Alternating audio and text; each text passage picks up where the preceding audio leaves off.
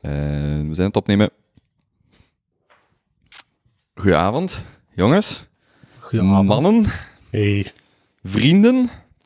Komen. Jozef, if corona doesn't take you out, can I? Jij wordt mijn quarantaintje zijn. Benny, is that hand sanitizer in your pocket? Or are you just happy to be within six feet of me?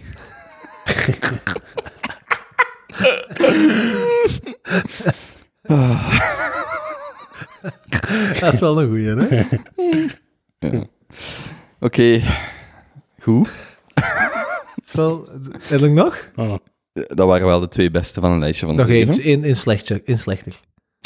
Since all the public libraries are closed, I'm checking you out instead. Oh, oké. Dat is inderdaad al wel... Ja, dat is al, Dat is al wat minder, Ja, die die Ja. twee eerste zijn echt de twee beste. Eh Shout-out naar Michael om dat te delen, want ik, ik, ik vond die twee eerste wel heel goed. Oké. Goedenavond. Welkom in eh, deze bizarre, bizarre coronatijden. Ja, ja. Je ziet, eh, We gaan waarschijnlijk weer aan de corona-podcast doen, hè? Let's face it. Ja, maar dat hoeft niet per se. We kunnen, ik weet dat er een, een artikel was in de Morgen waar ehm Jozef naar gerefereerd heeft. Eh, het stond achter een paywall, dus ik heb het niet kunnen lezen, maar de titel was al veelbelovend. Daar kunnen we misschien zelfs op terugkomen. Ja. Je weet, je weet over wat het gaat, hè? Nee. Ja, Ja, je- ik bedoel, je weet naar welk artikel ik refereer. ik heb het zien passeren, maar vlucht, vlucht Zit ver, zit ver. Het zit ver. Het zit niet Maar jij, weet wel waar het over Ja, over die vinden, hè? Ja, hoor, die vinden. Ah ja, Ja. juist. Juist, oké. Ehm, ja, ik heb wel ook wel een aantal dingen die ik al langer wou delen. Maar ik heb zo gespreksonderwerpen die, eh, waar dat corona de katalysator is, maar waar het debat breder is. Bijvoorbeeld, de Belgische overheid ontwikkelt op dit moment eh, een app die we dan al dan niet zouden moeten mogen installeren om de bestrijding tegen te gaan. En dat gaat eigenlijk over privacy, wat ik Mhm. super interessant vind. En of dat nu corona is vandaag, of terrorisme morgen, of eh, Hmm. een ranzige scheet overmorgen. Voordat we daarin vliegen, hè? hm, Moeten we ons nog eens voorstellen, of niet? ja, best wel. Ah ja. Oké, Ik wil dat jij begint, komen. oké. Ik ben Kobe. Eh, ik maak deze podcast.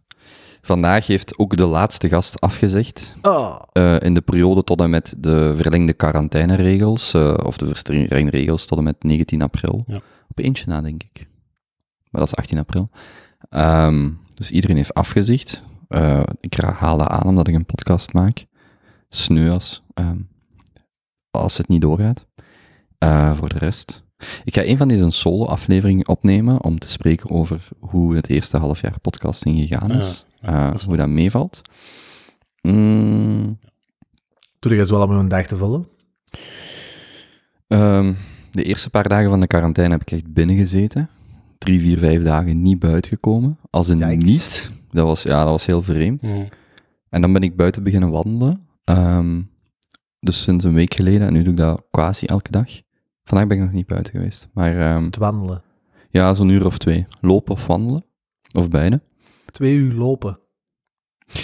Wat ik heel graag doe, er is zo dat trucje wat ik voor mezelf moet doen, is als ik zo denk van, ik ga lopen, dan, dan is dat voor mij een, soms een grote stap om te zetten, zo, want er is altijd wel iets anders te doen. Maar als ik gewoon mijn loopkleren aandoe en ik zeg tegen mezelf, ga al tenminste wandelen, Ja. dan ben ik na een kwartier aan het wandelen, denk ik, ja, ik heb nu loopkleren aan, begin gewoon te lopen. Zwaar. En dus dat deed ik gisteren ook, van, ik ga gewoon naar buiten gaan, de zon schijnt. Zo meestal gra- graag zo om zes uur of zo, wanneer de zon een beetje begint onder te gaan, dat, je, dat het koud genoeg is. Golden hour. Ik vind dat wel heel mooi. Gisteren, de, zon, de, En we waren aan de kaaien. ja, de Scheldekaai, Ja, zonsondergang, dat was dan iets, ik denk zeven uur of zo, ik weet niet juist. Dat is echt magnifiek. Dat is heel mooi. Mhm. Ehm, maar dus dan, dan zit je aan het wandelen en dan denk je, ja, ik kan even goed lopen. En dan zit je een half uur of een uur aan het lopen en ik vind dat wel podcastshop. En dan, vind ik, dan ben ik super relaxed. Dus ik hoop dat ik dat straks nog ga doen. En, eh, dus dat probeer ik veel te doen. En dan met mensen gaan wandelen is ook leuk. Zo dat je gewoon zegt van, kom, we gaan een stukje wandelen. Mhm. Ehm, ja. Oké, Dus, en, en ehm, is goed. En hoe zit je er nu bij? hoe ik er nu bij zit, Ja? hoe ik mij voel. Ja? Het gaat beter en beter. Ik zit zo stiltjes op het punt dat het mij eigenlijk niet uitmaakt of het nu nog drie, zes of twaalf weken duurt. Oh, kom joh. Meen je dat echt? Nog Ja, maar ik bedoel- maand. Ja, maar ik bedoel, dat is niet dat ik dat zou willen, maar dat is zo het nieuwe normaal. Ja, je En- hebt structuur gevonden in je, in je Ja. ritme, je hebt de routine gevonden. Het komt, het komt. Maar dat, is- dat vind ik zo gevaarlijk, hè? We zitten nu... Dit is de derde week, hè? Ze zeggen dat zo voor het eerste basisgewoonte 21 dagen iets aan een stuk doen. Mhm. De maatschappij is gewoon een volledige set aan nieuwe gewoontes aan het kweken, en masse. En naar mijn gevoel zijn ze niet allemaal heel positief, hè? Jij had iets te vertellen misschien over eh, ehm, de, de, de negatieve... eh, weet je nog toen je hier een boek kwam halen? Ja? Dat je zei van, ja, we zien ook wel dat dit en dat omhoog Ja, gaat. klopt, Daar klopt. kunnen we misschien zelfs ook op terugkomen. Ja. Ehm, zo de, de negatieve zijdes van, eh, van veel binnenzitten. ja sowieso. Of eh, de negatieve aspecten. Ja, je kunt daar misschien... Allee, ik, ik zie er ook een paar. hè. Ik denk dat er heel veel wordt, Ja. heel veel wordt gaming. Hè? Ik heb zelf de eerste keer in jaren, echt misschien wel tien jaar, gisteren is er nog eens eh, Counter-Strike gespeeld met Oh ja. vier maten. Blijkbaar Steam, hè, zo de grootste, de grootste, het grootste gamingplatform op computers. Daar ging het gisteren aan over tijdens, eh, tijdens het gamen. Die, hadden, die hebben al een, een eh, stijging van 360% gezien. Hm. Ja, en dat is logisch, hè? Ah ja, iedereen zit binnen te gamen, te Netflixen, te... Ja, dus dat zijn er zo wel een paar, denk ik. Mhm. Wacht, we gaan dat parkeren, zelfs op Ja, ja. terugkomen. Eh, voor de rest, dat is het ongeveer wat ik wou zeggen. Ik heb wel nog een idee over eh, wat ik straks met jullie wil bespreken. Ehm, Spannend. Maar een idee over eh, het, het, het steunen van de podcast slash eh, mijn werk. Maar dat is, dat is voor straks. Het Als we, steunen van uw werk. Dat is doneren of zo. Oké, Mm, nee, maar ik zal er straks... kijk hoe. Steunen wij uw Maar werk niet door hier gewoon altijd al te zitten komen. Ik bedoel, eh, wer- dit op lange termijn eh, op zichzelf te kunnen laten staan. Ja. Ah ja. Dat. Omdat ik nu merk dat ik echt iets gevonden heb wat ik graag doe, wat ik relatief goed doe, waar ik tijd voor heb, maar er moet op een of andere manier moet dat in balans zijn. Ja. Ja. En, en daar zat ik met een idee al, al langer. Maar dat is voor straks misschien, als we eraan geraken. Het, is, eh, het is wel acht uur, het is tijd om eh, te applaudisseren voor de, voor de zorg. Ah, we zullen even... eh Ja. 3, 2, 1, ja? Ja, Ja, oké. Ja. Ja. Dat vind ik mooi. Ja, dat is Mooi. Symbolisch. Mooi. Qua meenemen. Wel belangrijk. Hadden we dat gezien van de politie aan Stuivenberg? Ik heb dat gezien, eh, vandaag ook nog eentje aan eh, Jan Pelfijn. Eh, wat deed jullie? Mooi. Ja. Was heel mooi. Was over, eh, vorige week filmpje dat rondging. Eh, ja, aan Stuivenberg. Alle, zo een, een combi of twintig op een rij. Alle, alle lichten op. Mm. En alle politie was uitgestapt. Er waren keihard aan het applaudisseren. Ja, en toen waren alle verpleegsters en dokters ook voor een deel het raam gaan hangen. En dan waren die naar de politie aan het was wel pakkend. Ja, dat is Ja. mooi. Verbazingwekkend pakkend. Wij hadden, Ja. wij hadden hier wel in de week, dat vond ik ook heel opmerkelijk, want aan de ene kant denk ik zo, ja, dat klappen, wat doet dat? Maar toen stonden de buren, ik weet niet... Ja, je kunt ze horen. Ah, ja. Dus ga even je koptelefoon... Ja, ze Ja, zijn, ik hoor ze. Ja. Zelfs met mijn koptelefoon ja, ze zijn nu aan het klappen. Echt zot. Maar die is, dus die hier buiten, die twee buren, die, die zijn Amai, zijn ze altijd, die altijd. En Dat, elke- kop, dat koppel. ja, dat koppel, hier, bo- hier tegenover. En die klappen altijd. En in de week, om mijn- omdat mijn raam open staat, want ik vergeet dat meestal, maar dan stond het open, was ik mee gaan klappen. De bovenbuur komt ook buiten binnen te klappen. En wij waren de enige drie in de straat. En ik zweer, we hebben een, een minuut geklapt en ineens stond er 15 man mee te klappen. Ah, dus dat is ook wel echt zoiets wat je moet, aanstekelijk. gewoon moet doen. En dan komen mensen naar een raam van, ah, ze zijn aan het klappen. En dan beginnen die allemaal mee te klappen. Dat was super cool om te zien dat zo mensen... Zoeken verbinding. Ja, Verbinding. ja. En heel zot zo in, in, in, in Genk of zo, als ik met mijn moeder bel, ja, allemaal vrijstaande huizen, daar doet niemand dat, daar doen ze andere dingen. Maar hier zo in de steden, waar dat je met veel man op elkaar zit, is echt wel cool om te zien. Tuurlijk. Wat doen die Gink? Die, die vlaggen of witte of witte... ja, daar, witte daar doen ze andere maar, maar, maar daar gaat niemand aan zijn huis klappen, want dan zit je gewoon in, een va- Ja, allee, in, in de wijde wereld te klappen. Terwijl hier heb je dat, daar is minder samenhorigheidsgevoel. Ja, ja. ja, ja. Ja. Mooi. Oké, dan eh, is het aan de volgende om zich eh, voor te stellen. Ehm, Benjamin IJzermans, 29 jaar. Vaste bezoeker ondertussen, zeker de laatste weken bij de Kobe Show. Eh, ja, ik kan het daarbij houden. Daarmee is eigenlijk ook alles gezegd. Ja, daar is alles mee gezegd. Ja, Ja. Ik vind het grappig als mensen zo gewoon hun naam zeggen en dan zo je leeftijd. Zo, zo, ik, ben, zo, ik ben, komt er zo niet meer. Of zo. Ik vind het grappig, gewoon zo. Jozef Albascho, Benjamin Ja. IJzermans. Dat, Zo. nou, Ik heb altijd grappig ik denk daar gevonden. niet meer bij na. hè. Ja, dat is gewoon...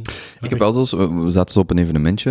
Dat was zo heel business-minded en ik was toevallig de laatste in de cirkel. Allee, we begonnen gewoon langs de persoon dat dat presenteerde en ik zat aan de andere kant. En dat viel mij heel hard op, dat waren met 10 of 15 en echt iedereen zegt dus, ik ben X, ik Ja. werk voor Y in functie Z, zoiets. Ja. Allemaal. Ik dacht, ja, ik ga gewoon zeggen, ja, ik ga dat niet zeggen. Maar- En dan, dus ik zeg van, ja, ik ben Kobe. Ik hou mij bezig met bestuderen van Europese geschiedenis, die en die filosofie, dat en dat. Daarnaast doe ik zus en zo, maar gewoon helemaal anders. En uit- uiteraard vergeet je dat dan. Maar ik vond dat wel leuk om zo niet zo van, ik ben en dit is mijn werk en dit is mijn titel, maar zo, wat zijn uw interesses, wat zijn uw Mhm. hobby's, hoe lang zit je getrouwd, zo dat soort dingen Ja. vind ik ook wel. Hoeveel kinderen heb je? Dat is super, dat is, dat is super interessant. Mhm. Ja. Het is graag eigenlijk dat inderdaad terug- Maar ja, dat is ook de context, hè. Dat was een business context, dus Ja, dat dat is normaal, waar. hè. Maar zo, zo als je je eigen moet voorstellen, dan ziet, eigenlijk moet je dat leren. Eigenlijk moet je daar een uur of zo op school eens over kunnen nadenken, hoe dat je je eigen gaat voorstellen. Weet je nog, als je zo in groep zit en iedereen moet zich- zich voorstellen in een rijtje, dat je toch altijd aan het nadenken bent, wat ga ik nu zeggen? Je krijgt altijd een beetje een stressje Hmm. als die persoon voor je al bezig is van, nu is aan mij. Ik weet niet of dat jullie dat hebben, maar Ja, ja, altijd. En denk van, hoe ga, ik, hoe ga ik dat hier verwoorden? Maar eigenlijk zou daar al al over hebben moeten nagedacht, dat het automatisch iets is dat, dat komt en niet origineel. Dat zou kei tof zijn. Beetje, Ja, beetje maar- gelijk een handtekening. Ja, Oh, dat, is, dat is wat ik wil zeggen. maar ik, ik, ik, waar ik zelf ook wel de laatste tijd meer probeer me bewust van te zijn. En dat komt mede ook nu weer, de man die al heel dikwijls is aangehaald hier op de podcast, maar door eh, Naval Ravikant. Ik dacht dat je Donald Trump ging zeggen. Nee. Alleen is ook de laatste tijd zeker wel wat aangehaald. Maar eh, nee, dus die Naval Ravikant, die, eh, ehm, ja, dat is een, eh, vooral denk ik gekend als eh, tech-investeerder in Silicon Valley. En die wil zo heel bewust bijvoorbeeld op zijn Twitter geen van die blue, geen blue checkmark. Ja. En die zet ook niks bij zijn description. En hij zegt dat hem dat heel bewust doet, omdat dat houdt hem vrij om zich niet te gaan inboxen in een bepaalde omschrijving. Mhm.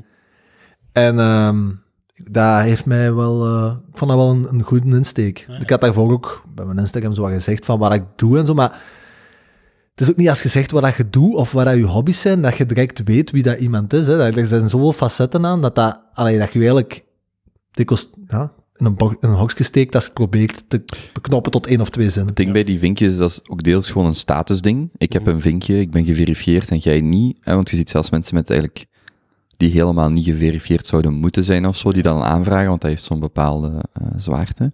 En daar gaat ook een beetje over van... En dat is dan ook het probleem als je bijvo- bijvoorbeeld cool wilt voorstellen, of op een manier, hè, niet cool, maar niet in de traditionele manier. Dat is ook weer de vraag, doet je dat omdat je dat oprecht meent, of doet je dat omdat je wilt afzetten tegen andere mensen, want dat is, dat is daar het equivalent van, van het blauwe vinkje. En dat is weer dat profileren uiteindelijk. Ja. Dat is gedoe weer. Ja, dat is gewoon profileren, maar op een andere manier. En dat is ook weer zo. Ja, ja. Ik heb dat al, elke keer als ik een foto deel van mijn bibliotheek, dat is zo van. Zet je, nu, Ja, je nu een ja. foto van je bibliotheek aan het delen? Of zo? Maar aan de ene kant denk je, toen ik dat posten van kom een boek halen, hè, voor als mensen dat willen. Maar aan de andere kant is dat ook zo. Er is een, er is een, heel, er is een heel dunne lijn tussen, tussen dat soort dingen. En dat is met heel veel dingen. Hè. Je kunt een clipje maken van je kleine. Tuurlijk. Van kijk eens hoe goed dat die luistert. Maar wat, wat probeert je eigenlijk te tonen? Dat jij een goede Ja, vader mocht daar natuurlijk niet te diep in gaan, want dan kunnen alles in vraag beginnen Dat is stellen. waar. Dat is zo. Ik denk dat het vaak een combinatie is van, die, van beide zaken. Dat, dat je inderdaad je kleine in beeld wil brengen, maar ook je eigen capaciteit als ouder bijvoorbeeld. Mm. Dus, ja. Kijk hoe goed dat die luistert. Of zo. Je bent continu bezig natuurlijk met je bepaalde, op een bepaalde manier te, te communiceren naar de buitenwereld. Ja. Hè? Dat is Hmm. zo. Bon. Op die noot. Jozef Abasha, 28 jaar. Oh, ik vind dat zo raar. ik vind dat echt super raar. Ik dat. Het is oké. Niet te veel over nadenken. Nee, maar nee, maar dat was nu echt even een experiment voor mijzelf. Ja. Pak die microfoon eens vast Ja. en draai die eens Ja. zo iets meer naar. Ah, ja. zo, oké. Ja, dat is goed. Eh, dus Jozef Abasha, 28 jaar. Ik geniet van het leven, ik meen dat oprecht. Ik ben, eh, ben, heel, ehm, ik ben een positivist, ik hoop dat toch altijd te zijn. Ehm, dus ik heb, mijn, eh, ik heb een sociale achtergrond, criminologie gestudeerd. Al ik studeer ik mijn master nog altijd af. Ehm, ik geef les op de hogeschool en ik heb hiervoor altijd gewerkt. Ehm, altijd, zo raar woord, maar voor mij, dat het zijn precies lange jaren bij de politie. Dus ehm, dat is een beetje mijn achtergrond. Hm. Ja, Ik, eh, ik had trouwens nog genoteerd, Jozef. Jij hebt bij je vorige bezoek hier, waar ik ook bij mocht zijn, eh, het, eh, de luisteraar een beetje in eh, spanning gelaten betreffende... eh, Oh, nee, nee, echt niet. Ja, ja. Oh, misschien wel. Ja, Betreffende een zeer ja. Extreem episch verhaal dat ik eh, mogen horen de eerste keer eh, dat wij elkaar Dat ontmoet is hebben. totaal vergeten. Ja, ik niet. Ja, en toen moest je nakijken of, of even nadenken of je dat wel überhaupt Hm. kon delen. Maar ja, ik had eigenlijk die podcast opnieuw moeten luisteren. Ja. Maar ik ben eraan begonnen, oprecht. Maar ik vind dat heel raar om naar mijn eigen stem te, luisteren. Ik vind dat echt super raar. Hmm. Ik voel me er echt oncomfortabel bij. Dat is echt iets... Ik weet niet hoe dat komt, maar... Ja, ik praat, ik praat graag. Ik luister eigenlijk nog veel liever, maar niet naar mezelf. Wacht, is dit het beste excuus dat je hebt? Of heb je nog een beter excuus? Maar is dit een goede excuus of niet? Want Nee, dat is een verschrikkelijk Nee, excuus. Ah, ik denk... eh, Echt, het is gewoon geen excuus. ehm, hoe, als er op het einde nog tijd is, dan doe het. Oké? Waarom doen we het dan niet gewoon nu? Nee, omdat, omdat, omdat, omdat dat ik met een ander excuus nu wel proberen af te komen, snap je? Allee, ja. Nee, ik, ik vind wel, je mocht nooit iets zeggen waar je niet zeker Nee, nee, over maar bent, dat- want dat dat is altijd kut. Dat weet ik, maar ik ben En dan er- moet de koper gaan knippen en dat doet hem niet. Ja, dat bedoel ik met kut. Nee. Nee, op, op- oprecht. Als er op het einde tijd is, dan doe het. Dan, eh, zo impulsief wil ik wel zijn. Allee, dus ik zet mijn alarm om half. dat is geen enkel probleem. Oké, Ja, dus een sappig verhaal over eh, een, een politieervaring Hmm. die dat het licht, daglicht niet mag zien, waar ik eh, vervolgd kan worden door justitie als ik die informatie lek. Maar als ik het goed gefilterd beschrijf, maar toch spannend genoeg, dan kan het wel. dit Ja. zeker? Ja.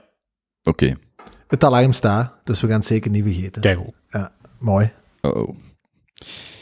Oké, Wij waren dus juist begonnen aan een punt dat jij wou maken betreffende een artikel. Mag ik eerst nog een verbetering? Ik heb een mailtje gekregen van ehm, iemand, die, van iemand, van een goede vriendin, die ik blijkbaar besproken heb op de podcast. En zij zegt, trouwens, eh, een verbetering... Wacht, mag ik het? Ja, we zijn heel bezig, hè? Ik ben al bezig. Ehm, een verbetering van een van de dingen die je gezegd hebt in podcast 107, denk ik, maar ik ben niet zeker. Dat ik alles graag wil plannen en zo.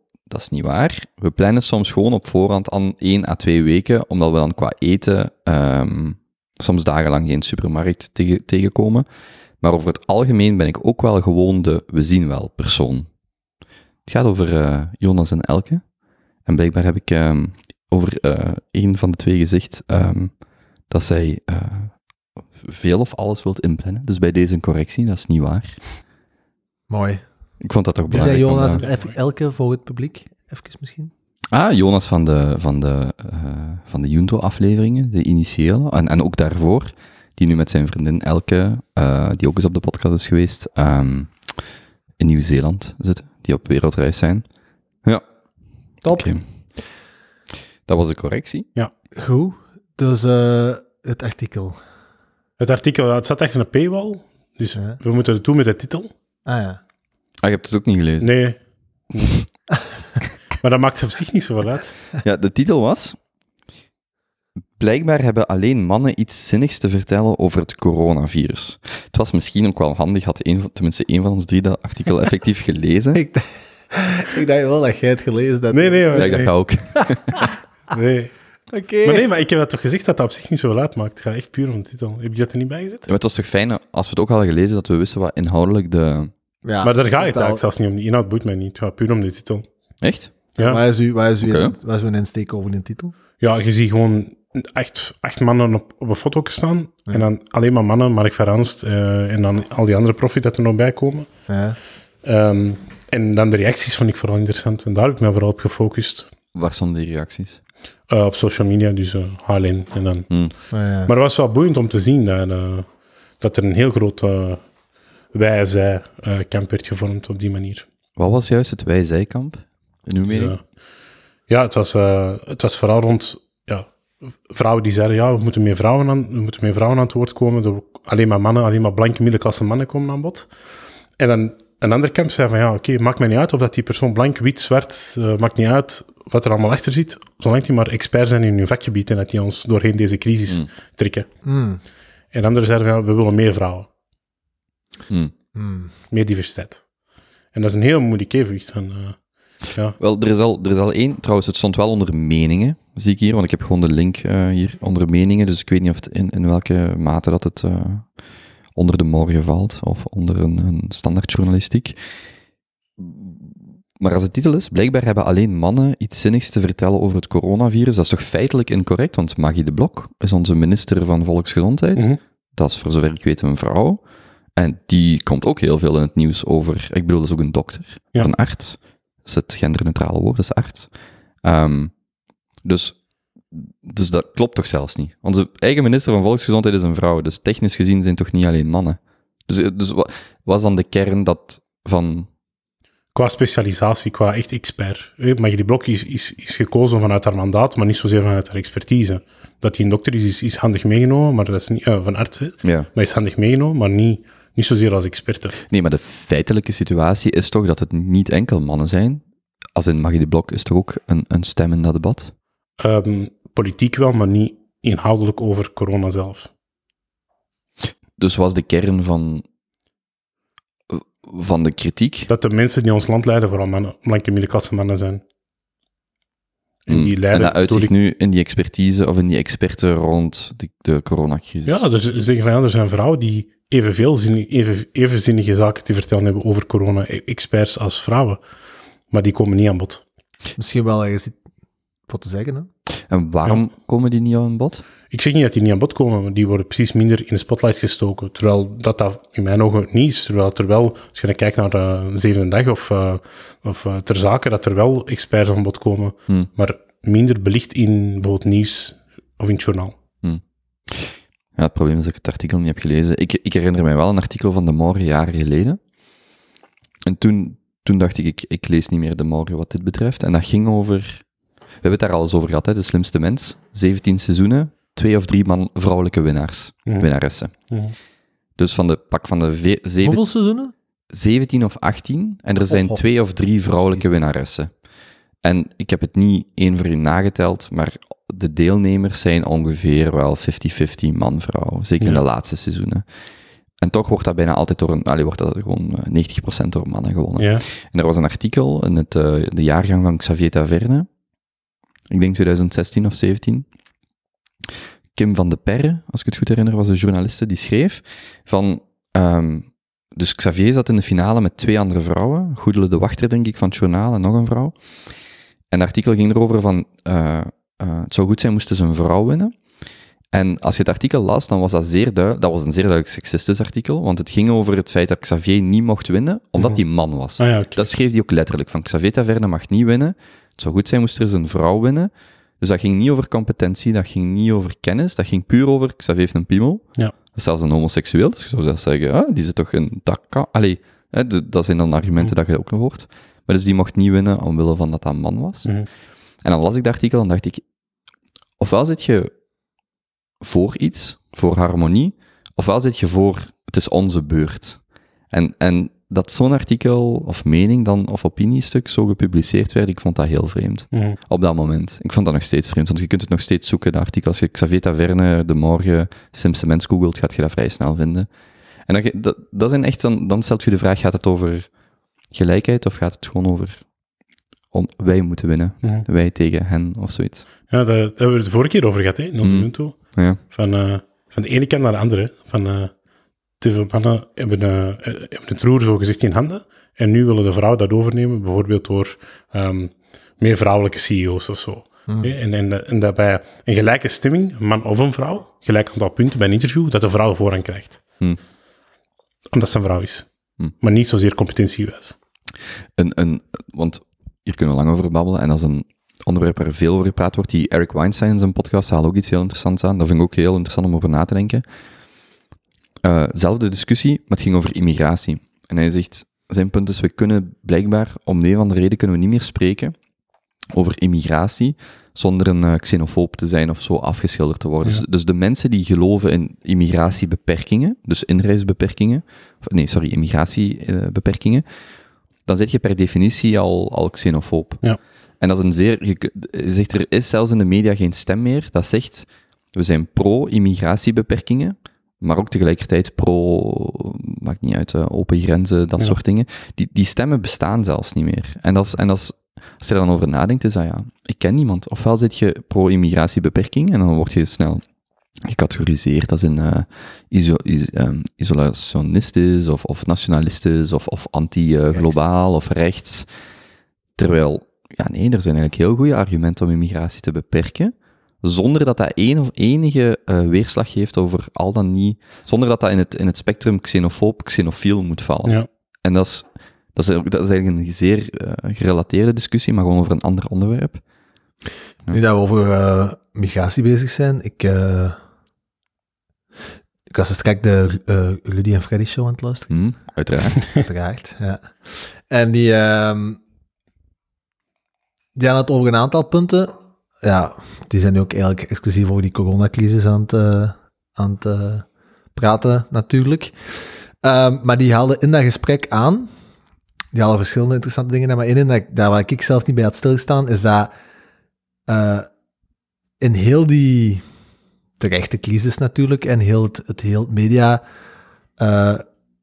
get- getoog dat erbij komt kijken nu met die corona, worden er ook wel weer heel veel dingen gewoon gepasseerd of onder de mat wat geduwd, Mm. waar daar heel weinig aandacht voor is. En één ding dat zij aanhaalden was de migratiecrisis. Klopt. Ehm, want ze zei ja, daar wordt eigenlijk heel weinig over geschreven momenteel, want we zijn vooral bezig met ons eigen land en met onze eigen cijfers en dit en dat. Maar ehm, ondertussen zijn alle asielcentra, ze zeggen in Nederland, ja, die spreken dan voornamelijk over Nederland natuurlijk, dat er bijvoorbeeld asielcentra zijn waar ze wel weten dat er positief is getest en ze, ze doen die gewoon quasi op slot, hè, Mhm. niemand erin, niemand eruit. Eh, dus ja, dat ze eigenlijk zeggen van laat dat hier maar gelijk als een cruiseboot wat gaan, Mm. gaan broeien. Ehm, Europa heeft blijkbaar nog veel harder zijn grenzen vastgedaan. Dus eh, er is naar Nederland en Griekenland en Lesbos. Ja. Waar dat echt naar schijnt Grote campen. echt ongelooflijk is gewoon. Waar dat je echt, als je er even wat, toch wat opzoekt en van mensen die dat er geplaatst zijn, dat die gewoon zeggen, deze zijn echt derde wereldtoestanden. En, Mhm. en allee, derde wereld, gewoon quasi oorlogse toestanden. En dat wordt gewoon ook, dat wordt niks. Ja. Het, is, het is eigenlijk confronterend om te zien hoe snel dat de maatschappij terug op zichzelf, op het, op het nationalistische vlak keert van het moment dat er zoiets als deze... Allee, het is natuurlijk echt wel een serieuze crisis, hè, Mm. don't get me wrong, maar dat er eh, de sociale, maatschappelijke reflex zo wat een beetje met, met ja, over de poort wordt gesmeed. Ja, dat is waar. Ook in binnenland bijvoorbeeld. Begrotingstekort is jarenlang, zeker de laatste verkiezingen, een thema. Eh 10, 11, 12 miljard. En nu zo, ah ja, we gaan naar 30 miljard met alle steunmaatregelen. Zo, 30, is dat echt het cijfer? dat genoemd 33 is? zelfs is, is het laatste Meen cijfer had. Echt? Ja. Met, de, met, de, met het tijdelijke... eh, ja. Dat, gaat nog, dat gaat nog groeien. Dat Ja. gaat nog, Wauw. Om, om maar te zeggen, dat is allemaal zo...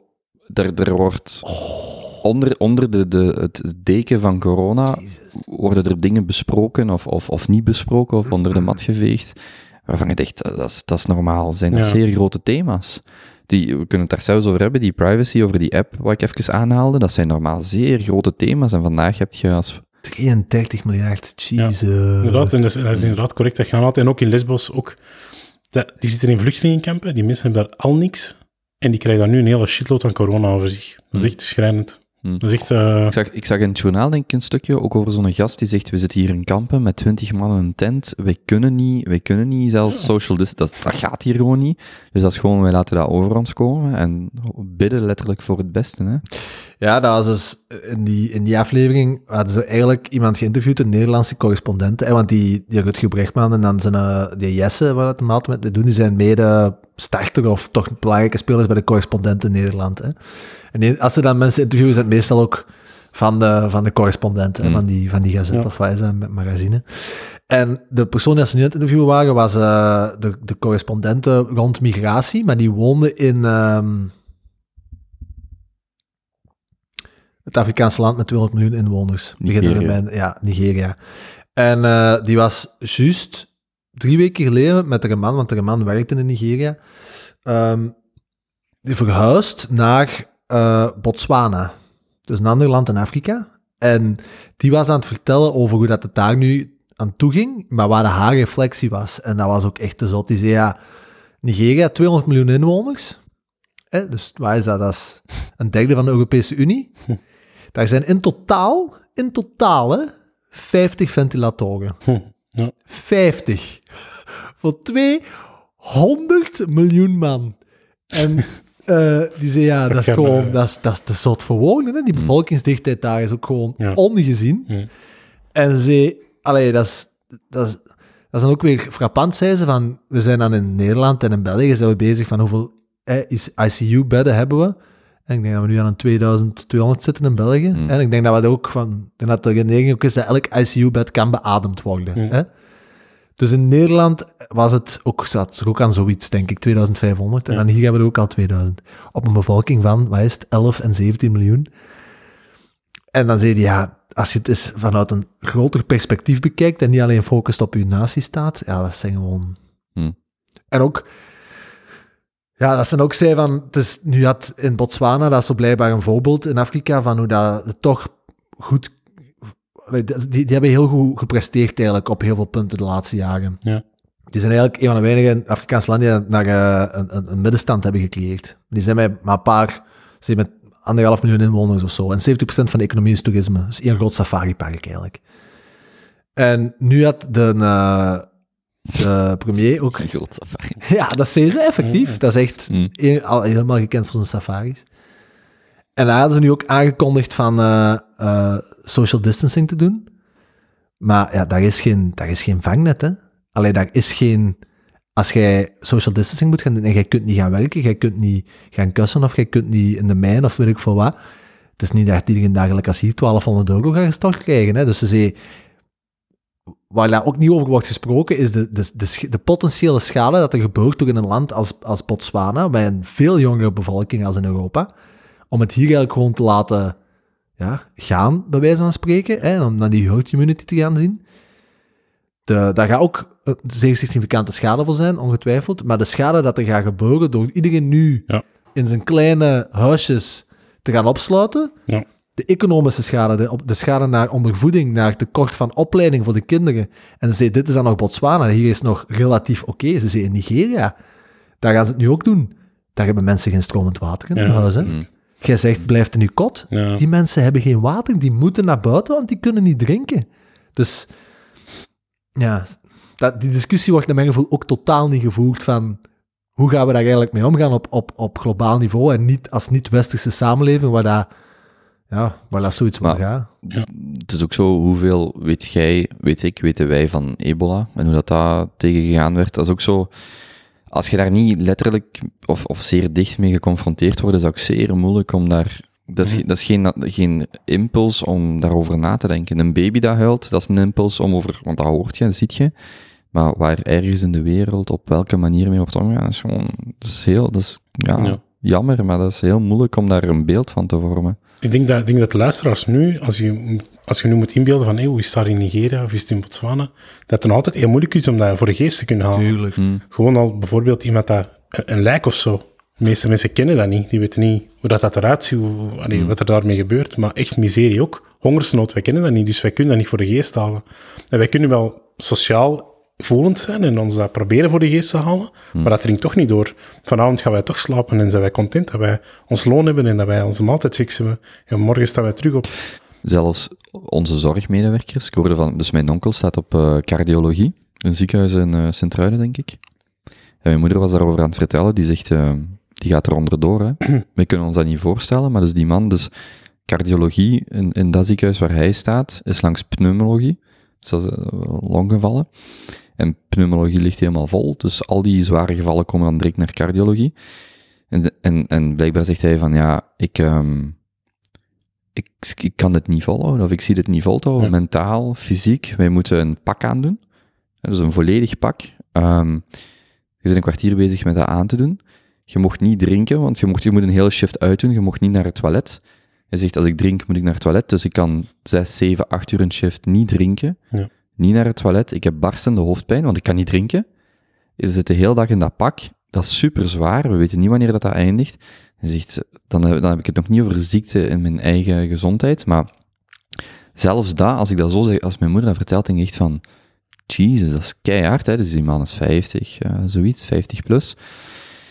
Zelfs dat is heel moeilijk om voor te stellen. Ja. En dat is dan nog veel dichterbij. Maar die mensen zijn er ook, hè? die zorg mee. Wij kunnen daar nu wel voor klappen en zeggen, hey, goed bezig. Maar die mensen gaan door, door situaties Ja, dat je denkt, wat, de- wat gebeurt hier? En, en zelfs dat kun je bijna niet voorstellen, als, je er niet, als je er niet letterlijk in zit. Maar het, heeft, het heeft wel bepaalde consequenties. Hè. Bijvoorbeeld, hè, wat, wat ik juist aanhaalde, is dat... Omdat we... Dat klopt, hè, wij kunnen ons dat niet inbeelden. Dat is heel moeilijk. Maar doordat we dat niet, niet kunnen, of, of dat we misschien in het verleden dan... Dat is ook niet, ik heb het nu niet over ons, hè, maar Ja. wat dat zij aanhaalden is de Wereldgezondheidsorganisatie. Die hebben nu één lichterrein, één lichterrein, een eh, richtlijn uitgesproken voor om te gaan als land met het coronavirus. Ja. En dat is social distancing. Dus ze zeggen, ja, die premier hier in Botswana, die, als je, dat is vooral ook van het politiek standpunt, als hij zich niet houdt aan het WHO, heel vervelende situatie blijkbaar dan al. Ja, hè, tuurlijk, van, tuurlijk. Ja, maar die heeft niet, die heeft niet geluisterd. Oké, maar allee, als, je, als WHO zegt, jij moet social distancing doen en jij moet dat doen. Maar in landen gelijk als Nigeria dan, of in, in India, waar dat juist hetzelfde verhaal is, als je in zo'n klotte, klottenwijk zit, dat is letterlijk fysiek niet mogelijk om social distancing te doen, want je zit met 15 mensen in, in een kot van 15 vierkante meter. Mhm. En als je tegen die mensen dan zegt, jij moet in uw kot blijven zitten, uw, uw klot misschien zelfs, hè, van 10, 15, Ja. die, kunnen niet, die kunnen niet gaan werken. Daar is geen... Daar is geen dus die, na, na drie dagen is letterlijk al die hun geld op. Die hebben geen spaargeld, die hebben eens een zichtrekening. Ja. Dus de, de, de potentiële schade dat je dan misschien doet, is gewoon... Hm. Allee, Ik weet het niet, hè, dat is ook misschien te vroeg om daar uitspraken op. Maar ik wil maar zeggen dat doordat we daar misschien niet genoeg over nadenken, of op bepaalde niveaus niet genoeg mee bezig zijn, zijn we misschien ook wat kort tot de bocht in bepaalde eh, adviezen of bepaalde richtlijnen dat, dat er nu En worden ook- uitgeschreven. En, dat ja, voilà. en de rekening zal achteraf van worden gemaakt. hè. ja, ja. Ik denk wel als er één organisatie is dat vo- volledig gaat ontmanteld Oh, worden amai. of aangepast, is het de Wereldgezondheidsorganisatie. Ja, Hoeveel kritiek dat daar nu op komt. Wow, Ja. dat is niet normaal. in de Europese Unie. In, in, Ja, maar ook- het WHO is echt ja, ja, op, het, op het criminele af. Als je gaat kijken naar hoeveel Klopt. de macht dat die hadden om impact te hebben op die, inv- op die, op die situatie en het niet doen, Mhm. of, of om welke reden dan ook. En dat is een beetje wat, dat is de parallel voor mensen als je niet mee zit, dat is een beetje de parallel die Dries van Langenhoven vandaag op zijn Instagram maakt. En die is keihard aan het kakken op Mark van Ranst en. Magie de Blok. En deel van zijn argument, en dat maken mensen ook tegen het WHO, is bijvoorbeeld mondmaskers, dat is een zeer groot discussiepunt. Je Ja. ziet aan de grafieken dat de landen waar mondmaskers als cultureel aanvaard worden, dat die grafieken, dat is die explosie van, die, van de verspreiding van virus enorm laag is in vergelijking met de landen waar dat, dat cultureel niet aanvaard wordt of gewoon niet opgelegd wordt. En deels van wat hij aanhaalt, Ries, en, en ook die mensen tegen het WHO, is waarom het, het kost bijna niks een mondmasker dragen. Het, het, de prijs daarvan is zeer laag. De impact is potentieel zeer hoog. Waarom wordt dat niet aangehaald? En een van de argumenten is omdat de mensen die. ehm, omdat, omdat je dan gaat merken van er zijn te weinig mondmaskers, hoe Ja. komt dat? En daar zijn po- politieke besluiten genomen. En dat is een beetje heel, dat is heel Driesen shtick tegen Mark van Ranst en, en Magie de Blokkes. Jullie hadden mondmaskers, jullie hebben die voorraad weggedaan vorig jaar, nooit vervangen. Dus daar zitten politieke, er zitten ook politieke realiteiten achter. Mhm. En zo zijn er, dus naar het WHO toe is het pijnlijk om, om te constateren dat er keuzes zijn gemaakt in het verleden, waar mensen nu vooral niet te veel op willen terugkomen en gewoon zeggen, nee, nee, nee, doe gewoon social distancing, is genoeg. Wel, omdat we misschien, eh, hetzelfde met de Europese Unie, waarom is er geen voorraad van 500 miljoen Ja. mondmaskers? Waar is die? Een mondmaskertje kost 10 cent. 1 cent. Ja, maar klopt. Maar de vraag Waar is de voorraad? de vraag is vooral, en ik, ik, ik, ik ben wel mee voor een bepaald stuk. Ik heb net nieuws gezien, hè, tien minuten voordat ik hier binnenkwam. Mark Verranst, zijn uitleg St- ehm, Stef Wouters was daarover bezig, over wat, wat is er eigenlijk allemaal aan de hand. Hmm. En ik, ik, ik stel me nu vooral de vraag in eerste instantie, zonder over dat van Mark Verranst nu in te gaan, is dat, is dat zinnig om nu dat debat te voeren? Hmm. Is dat zinnig? Moeten we die rekening achteraf niet maken en zien we dat nu gewoon... Nee, ik denk dat ook dat veel mensen, ik denk wel dat je vandaag zowel naar bevolking als naar experts kunt gaan en zeggen van kijk, dit is de eerste keer dat dit gebeurt. Over veel dingen kunnen we met de mantel Ja. der liefde bedekken. Maar er moet wel een zeer duidelijke grens zijn tussen wat is nalatigheid. Dat wil niet zeggen dat nalatigheid daarom niet meer bestraft mag worden of, of mag aange... En inderdaad, op dit moment is dat een moeilijk debat. Maar bijvoorbeeld mensen die vandaag nog met drie, vier over straat wandelen, heel dicht bij elkaar. Aan de ene kant denk ik, ik vind dat, ik vind dat echt niet kunnen. Aan de andere kant is het de eerste keer dat dit gebeurt. We hebben dat nooit eerder gezien, dus daar wil ik nog zeggen van, oké. Maar achteraf moet je wel kunnen zeggen, hier zijn heel duidelijk fouten gemaakt. En je moet wel mensen daarvoor verantwoordelijk kunnen houden. En dat is zo wat de... Maar is dat nu de moment? Hè? Dat is mijn vraag vooral nu. Wat brengt ons dan nu vooruit? Niet. Nee. Dus dat, dat, is, dat is die negativiteit. Politiek gewin voor... eh, En dat vind ik dan niet oké. En daar ben ik niet mee akkoord. Ik ben wel akkoord dat achteraf dat we, alles, dat we alles op tafel leggen. En de mensen zullen wel zullen hun rekening gepresenteerd krijgen, ongetwijfeld. Maar niet, niet nu. En daar, daar, daar steun ik Dries van Langen over dan weer niet. Ja, ja, ja. dat is een heel tactische zit dat hij nu maakt. Ja, dat- Mark van Ranst maakt fouten, net zoals elke mens. Maar op dit moment is hij en andere experts, die draaien shifts van, eh, van 18 uur, 20 uur. Ehm, ja, ik ben die man dankbaar. Hm. Je mocht je achteraf mocht je bekritiseren, dat mag, maar ik ben die nu dankbaar. Ik zal dat ook openlijk Ja, want ik wil ook, ik wil ook ik het, daar, ik, daar ik het ook wel Ik wil ook wel de beleidskeuzes lostrekken van politiek gewin Ja. vandaag. Hè. Ik Ja. zeg niet, ik, ik, ik maak die parallel met Dries en, en de kritiek op het WHO, omdat die kritiek deels over elkaar loopt. En dan is dat makkelijker om te begrijpen van, van waar komt dat en wat is de reden of wat is de insteek. Maar inderdaad, er is een verschil tussen verantwoordelijk zijn voor iets en die verantwoordelijkheid al dan niet op te pak, oppakken en dan politiek gewin aan de andere kant. Hè. Dus dat zijn, dat zijn twee, dat zijn twee ah ja, dat is een, een distinctie tussen beide. Ja. Maar ja, opnieuw om op de Europese Unie terug te komen, dan las ik van Rob, van Rob Herbout, of wie, hoe hoe was exact zijn naam van de VRT, de Euro- Europa-kenner.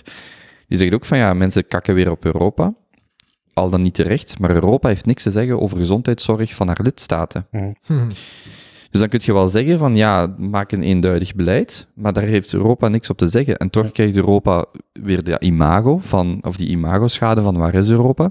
Maar ze hebben daar niks op te zeggen wat, wat eh, gezondheidszorg per lidstaat aangaat. Ja. ja. ja.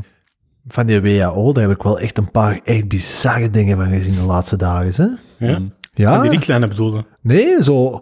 Goh, wat heb ik zien passeren? Zo'n een, eh, een journaliste die daar een of andere grote piet van het WHO aan het interviewen was. Ja, via webcam. Ja, ja, ja. Heb je dat gezien? En Een dan Skype-interview. ja, een paar kritische vragen over China. Over Ja. Taiwan. Over Taiwan. Ja, over. Taiwan. Ja, Ja. maar ik, dat, ik geloof dat het verhaal was dat in, als ik het goed begrepen heb, was in Taiwan werd het, het heel goed aangepakt of zoiets. En zij stelden een aantal vragen dan over Taiwan aan een, daarover. Maar dus Taiwan zit niet, geloof ik, in de raad van het WHO of het is zoiets, of dat wordt niet erkend. Ja.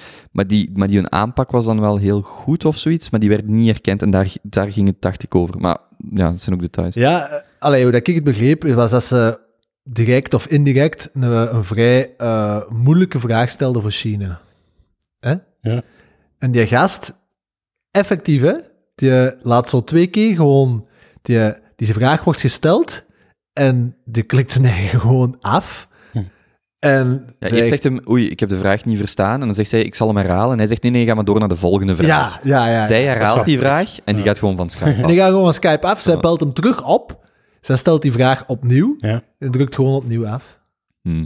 Zo, allee, en zo heb ik al een paar dingen opgevangen eh, op Twitter, dat ik denk van, Maar wat ook de hel is daar Gelijk in, aan? in de VS, ik weet niet juist wat die zijn rol is, maar daar heb je blijkbaar de Surgeon General. Dat is ook een, dat is een Twitter-account met Die is op 700.000 Tim Ferriss volgers. geweest. Hoe? Is op Tim Ferriss geweest. N- Maar, voor, maar ik weet niet wat die rol betekent, maar de Surgeon General dat is, uitgelegd. is blijkbaar Ja. iets wat elke drie, vier, vijf jaar of voor het leven, dat weet ik niet, gekozen wordt. Maar dat is, een, dat is, een, dat is niet één persoon, dat is, een, dat is een, gelijk het presidentschap en Ja. dat verwisselt om de zoveel jaar.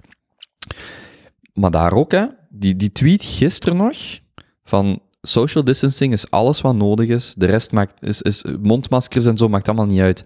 Dat je echt denkt, gast, dat maakt wel uit.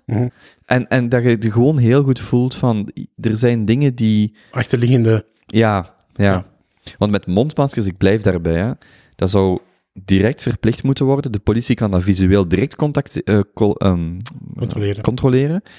En het kost bijna niks. Je kunt dat geen. produceren. Nee, maar je kunt wel, want dat... Nee. Er zijn er geen, maar ook dat had weken geleden, als al in... Op 26 januari is in het parlement, ik geloof door de NVA, gevraagd of er genoeg strategische voorraad was. 26 januari. Dat wil daarom niet zeggen dat die mondmaskers er hadden moeten zijn, maar dat wil wel zeggen dat er, er zijn redenen geweest om dat te weten. En wat ik wil zeggen is, in Oostenrijk is het nu sinds een paar dagen geleden verplicht. Als je buiten komt, moet je een mondmasker dragen. Dat is blijkbaar in Oostenrijk verplicht. Maar ik ben er nog niet helemaal mee mee. Als ik goed begrijp, ik heb het schijnt nooit gelezen aan een, een ver- verpleegster die dat zo op Facebook iets had geschreven dat viraal was gegaan over de ervaringen in het ziekenhuis. En die zei dat zij nu acht uur met één mondmasker moeten doen. ja, maar die ja, schreef... te weinig is. Ja, Die maar zij schreef, om vier, na vier uur weten we dat ze niet meer Ja, ja. effectief zijn. Mhm. Dus waar lost het dan op om iedereen één mondmasker te Maar geven? er zijn, er, zijn verschil, ja, maar er zijn verschillende dingen. Ja, dat is je eigenlijk kunt- mijn vraag. Je kunt, je kunt mondmaskers, dus ook zelfs een sjaal is op een bepaalde manier al beter als niks. Je kunt mondmaskers zelf maken bij je thuis. Er zijn allerlei gidsen om mondmaskers Mhm. zelf te maken.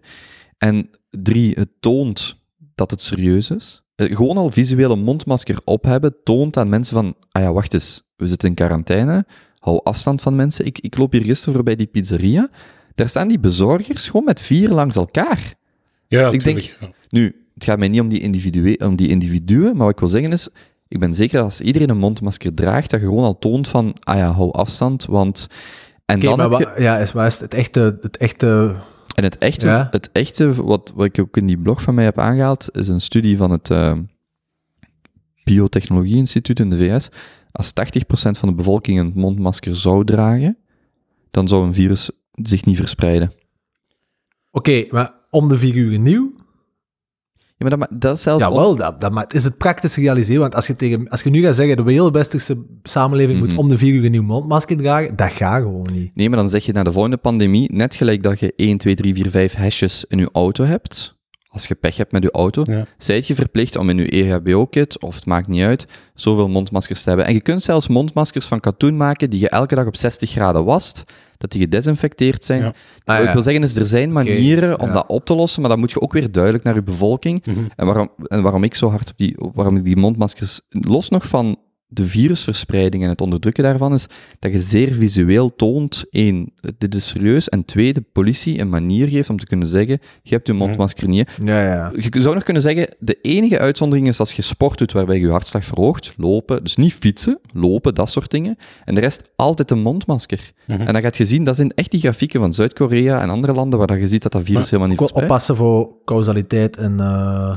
Tuurlijk. En- allee, en- er zijn een hele hoop regels als ze in. Zuid-Korea Tuurlijk. dingen doen Maar- buiten. tuurlijk. Het komt erop neer, als je, je, geeft een, heel- je geeft een paar goede argumenten, maar uiteindelijk, ze zijn er nu niet. Op dit moment zijn ze er niet. Op dit moment kunnen we ze niet en masse produceren en ook de deftige filters en de, en de deftige Je zou afsluitingen. dat wel kunnen. Als ze morgen zeggen van, kijk, hier is een gids hoe je een mondmasker maakt met eender welke stof, want zelfs een minimaal mondmasker is al beter dan... Op de avond dat ze zeggen, op donderdag, wanneer ze zeggen op vrijdag gaan de bars dicht, hadden ze dan gezegd van, kijk, vrijdag gaan de bars dicht, en je hebt allemaal zeven dagen de tijd om je eigen mondmasker te maken, of je krijgt een gasboete van 350 euro, dan zweer ik u dat de meeste mensen vandaag een mondmasker hadden. En zelfs, of zelfs al een sjaal, hè. Die, de- die, die, die mogelijkheid is er. Dat klopt, ik ben wel akkoord, maar dan hoort je Mark van Rans net zeggen in het nieuws dat hij zegt van hij geen fan is van mondmaskers op dit moment, Hmm. omdat er toch zoveel social distancing is. Hij zegt van de straten lopen toch leeg, het heeft eigenlijk geen nut, buiten voor verpleegpersoneel, om op straat met mondmasker rond te lopen, want je loopt allemaal toch op 5 meter of 10 meter van elkaar. Maar dat is Dus dan dat stukje... geen volk. Ja. En hij zegt, het- de mondmaskers worden pas interessant als we de lockdown verminderen, als mensen terug buiten mogen komen en als je dus inderdaad drukkere plaatsen gaat hebben, dan gaat dat pas zinvol zijn. En op dit moment heeft dat geen nut. Maar dat is wanneer lopen ja, wij nu... Maar dat is dan de politieke discussie. ja. Van, En- wordt hij gestuurd, hè? Wordt hij Wel, gestuurd van nu? En hij zegt heel formeel dat dat niet zo is. Oké, puur, en dat is dan waarom ik Nassim Taleb zo graag volg, die, die heeft er gisteren over getweet en hij zegt ook, puur vanuit een het punt, standpunt van asymmetrie, als je met een mondmasker te dragen, ook al helpt het minimaal, Ja. toch kunt vermijden dat een virus op een bepaalde manier spreidt, zou je dat moeten dragen. Ook al helpt het amper, het dragen is beter dan het niet dragen. Dat klopt. Dus, en dat is daar de, de, de hele politieke discussie, die we niet per se vandaag gaan oplossen, maar als je, het, als je iets zeer simpels hebt, gelijk een mondmasker, wat, wat geen fluit kost, waarom zou je het dan niet dragen? En dat is de vraag. Ah, vorig jaar zijn er zoveel miljoen mondmaskers Zes- vernietigd, zes- en die zijn niet aangevuld. Het gaat mij er niet om wie de schuldige is, het gaat er gewoon om, als je zegt, draag geen mondmasker, ik ben niet zeker dat dat de viroloog spreekt, is de viroloog die spreekt, of de wie dan ook dat spreekt. Ja. En dat is heel het moeilijke dat ik niet snap. Als je een simpele, een simpele oplossing hebt, waarom zou je die niet aanreiken? En, en dat is ook deels die, die kritiek op het WHO en ook die Surgeon General die zegt nee, mondmaskers zijn niet nodig. Dat je echt denkt, jawel, het kan geen kwaad om ze te dragen. Ja. Dus waarom zou je het niet doen? Misschien omdat er beslissingen in het verleden zijn genomen die je nu niet wilt naar boven laten komen. Zal wel zijn. Zal wel zijn, hè. Dat is duidelijk, hè. Mensen maken fouten. Tuurlijk, er zullen tuurlijk. schandalen naar boven komen later, hè, echt eraf. Maar bijvoorbeeld, als je moet kijken, wat gebeurt er vandaag? Welke politieke beslissingen worden nu genomen? Niet, die niet zozeer vanuit, vanuit ons vorig verleden komen, maar wie dat er nu worden gemaakt, bijvoorbeeld. En dan ga ik naar een volgend topic. Dat stuk over de politie. Hè. Hoe hard legitimeert je nu de politie om zaken te doen vanuit ehm, discriminatieve of racistische factoren? Dat is een heel groot topic dat nu speelt. Zoals je hebt ehm, in Antwerpen nu een heel team dat opgesteld is. De eh, Bio eh, rescue, rescue Team, of ik weet niet wat het Ja. Is dat echt? Bi- Ja, Bioresponse- dus Bio, Bio-response Team. response. Die dan in andere busjes rond en zo? Dus, die rijden met dezelfde busjes. Oh, maar dat is wel, zijn, wat- dat is- even kwalificeren, dat is wel zeer serieus, omdat wat de politie nu merkt, is dat iedereen begint op, op hen te spuwen Nee, nee. bij controles. Ah ja, wacht, nee, hij is de expert. Oké. maar, nee, nee, maar vertel maar. Nee, vertel nee, maar. mijn, oké. en dan, Uw, uw, uw, uw perspectief. mijn vanuit het media is dat het bioresponse team is deels omdat wanneer politie controle doet, dat ze ofwel bespuwd worden of allerlei manieren worden... Och.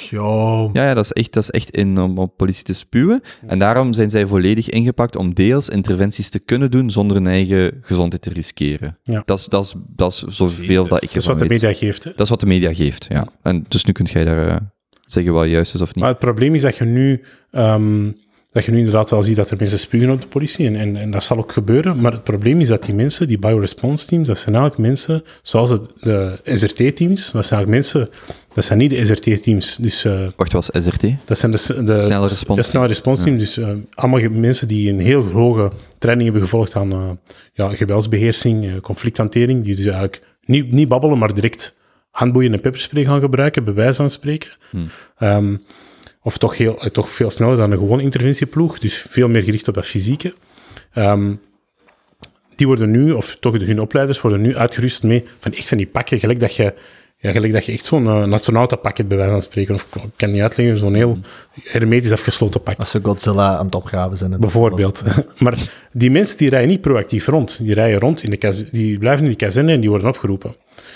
Dus oftewel, ehm, laat je alle interventieteams mondmaskers krijgen en zo effectief hun werk doen.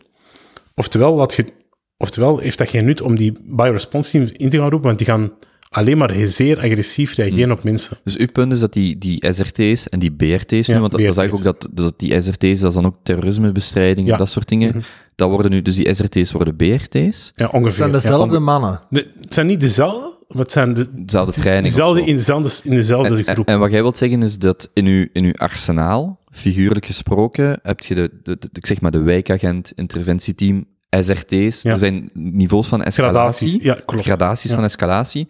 En wat jij zegt is nu, voor, het, voor eigenlijk iets wat een lage escalatie is, daar sturen we een bazooka, Tuurlijk. schieten een bazooka. Twee jongeren op een bankje, Ja. die twee jongeren op een bankje krijgen Die, eh, zes mannen uit een busje Ja. Oh, in zo'n nee. pak. Ja. Oh, ja. En je kunt zeggen, is dat, is dat legitiem? Hmm. En als je dat twee weken geleden had gezegd, had die dingen gezegd, je is zot. Maar nu worden die zwaar en masse ingezet, niet in Antwerpen, maar ook in andere zones. Hmm. En ik vind, dat, ik vind dat problematisch. En we zijn daar nu met verschillende mensenrechtenorganisaties over aan het werken. Maar het probleem is, de publieke opinie, zoals jij ze nu Hmm. echt benoemt, en dat is prachtig dat je dat hebt gezegd, zegt van, mensen spugen hier op agenten. En die mensen moeten er zijn. Maar Ja. dat is niet. Dat is niet. Er moet met mensen in contact gegaan Ja, worden. het punt is, dat, dat, dus, dus wat, ik, wat ik net zeg, ik kan het eruit knippen. Nee, nee. Wat ik net zeg, is inderdaad dat idee van, ah ja, ze spuwen, dus daarom moet je een bepaald team hebben Ja. om, om dat tegen te gaan. Maar wat jij zegt is, ja, maar wacht eens, die teams worden ook afgestuurd op mensen of op situaties waar dat, dat totaal niet, niet relevant is. Of, of, of als je drie mensen ziet samenkomen, je kunt die ook op een andere manier benaderen dan er een busje met zes hooggetrainde agenten of, agressie, of fysiek agressievere agenten. Dat klinkt Of dat, dat, nog niet zozeer. Ja, ay, er, er, er wordt geweld gebruikt hè, tegen agenten, er wordt gespuugd op agenten. Hè, Mm. Maar is het, is het nodig om zo'n heel speciaal team op te gaan... ay, de, Mm. de vorm van gradatie is van direct van 0 naar 100. Ja, ja. En eh, interventieteams moeten echt goed uitgerust worden met voldoende middelen. Dat is op dit moment niet altijd het geval. Ehm, dus ja, als je twee jongeren aanspreekt en ja, er gaat misschien niet iemand tuffen, maar dat is, allee, dat is zo raar. Dat is precies als dat alle jongeren precies beginnen te tuffen op politieagenten. Dat is Hoe, absoluut niet. hoe, en nu ga ik u vragen om te spreken voor een groep, maar hoe zou een agent zich daarbij voelen? Wat, wat zou nu in deze discussie, wat zou een ag- agent zeggen? Maar agenten, agenten die zijn blij... In het begin was er ook weerstand tegen SRT. Hè, tegen snelle response teams, omdat die zoiets hadden van... Ja, ehm, waarom, waarom komen die hier? Die komen eigenlijk precies alleen maar ehm, de, zware de zware conflicten voor ons afpakken. Want je kunt wel zeggen wat je wilt, maar agenten houden er wel van om, om ook wel eens Echt? in actie te komen. Ja, tuurlijk, je wordt ervoor opgeleid. Ja, ja. Je, wilt niet, je wilt niet schieten, maar je wilt wel eens iets anders doen dan een parkeerboete altijd Ja, uitschrijven. ja, ja. Maar kwam er in het begin, SRT kwam altijd die, die, die opdrachten overpakken. Ja. De spannende opdrachten die de agenten eigenlijk hadden voor, naar huis, voor meer te pakken naar huis, kwam De, achtervol- door. de achtervolgingen in Borgerhout. Achtervolging in Borgerhout bijvoorbeeld. En eh, de gewone interventieagenten moesten dat wel op papier zetten, PV's maken, maar SRT had de fun, die mochten de achtervolging doen. Dus er was eigenlijk daar heel veel conflict over, maar ook gewoon omdat je wat je krijgt, gaat je gebruiken. Dat klinkt heel raar, maar als je een MP5 krijgt, een, lang, een, een, een half, een half, uh, bij wijze van spreken, een half automatisch wapen, of een grote pepperspray of je krijgt een boekje en een bik, ja, je gebruikt wat je krijgt. Uiteraard. Kijk naar Amerika met zijn wapens. Bijvoorbeeld. Dus je krijgt hier SRT-teams met rubberkogels, met verschillende soorten schilden, et cetera. Die gaan dat gebruiken, want die worden voor getraind. En die willen dat ook gebruiken. En die zullen dat niet altijd, niet altijd, proportioneel gebruiken. En hetzelfde is nu, hetzelfde risico met, uh, met die BRT's die er nu zijn. En dat is wel een interessant discussiepunt van, ja, um, in hoeverre um, mogen die personen ingezet worden, maar wie gaat dat nu in vraag stellen? Ik denk dat wij alle drie gaan zeggen van, laat hem maar doen, laat die mensen maar werken. Want het zijn uitzonderlijke tijden. Niemand, niemand gaat er echt tegenin, toch? Zeggen, maar om even daarop in te pikken, hè. Je zegt zo in het begin, en dan spreken we pre-corona-tijdperk, ja. was de politie daar heel, hè, al, hè, die mannen komen niet als een funpikken. Ja. Is dat dan geswitcht?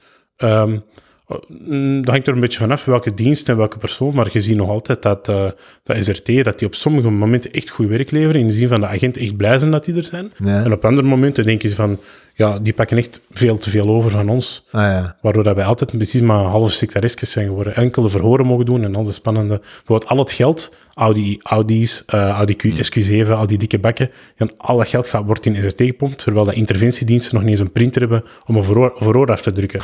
dus dat ziet je ook terugkomen. Ja, oké. Okay, dus ja. veel, hè, die motto's bijvoorbeeld, die twee agenten op die motto, ik weet niet of je het hebt gezien in het nieuws, hè, dus er rijden nu gewoon rond agenten met motto's, zwaar bewapend op een motto.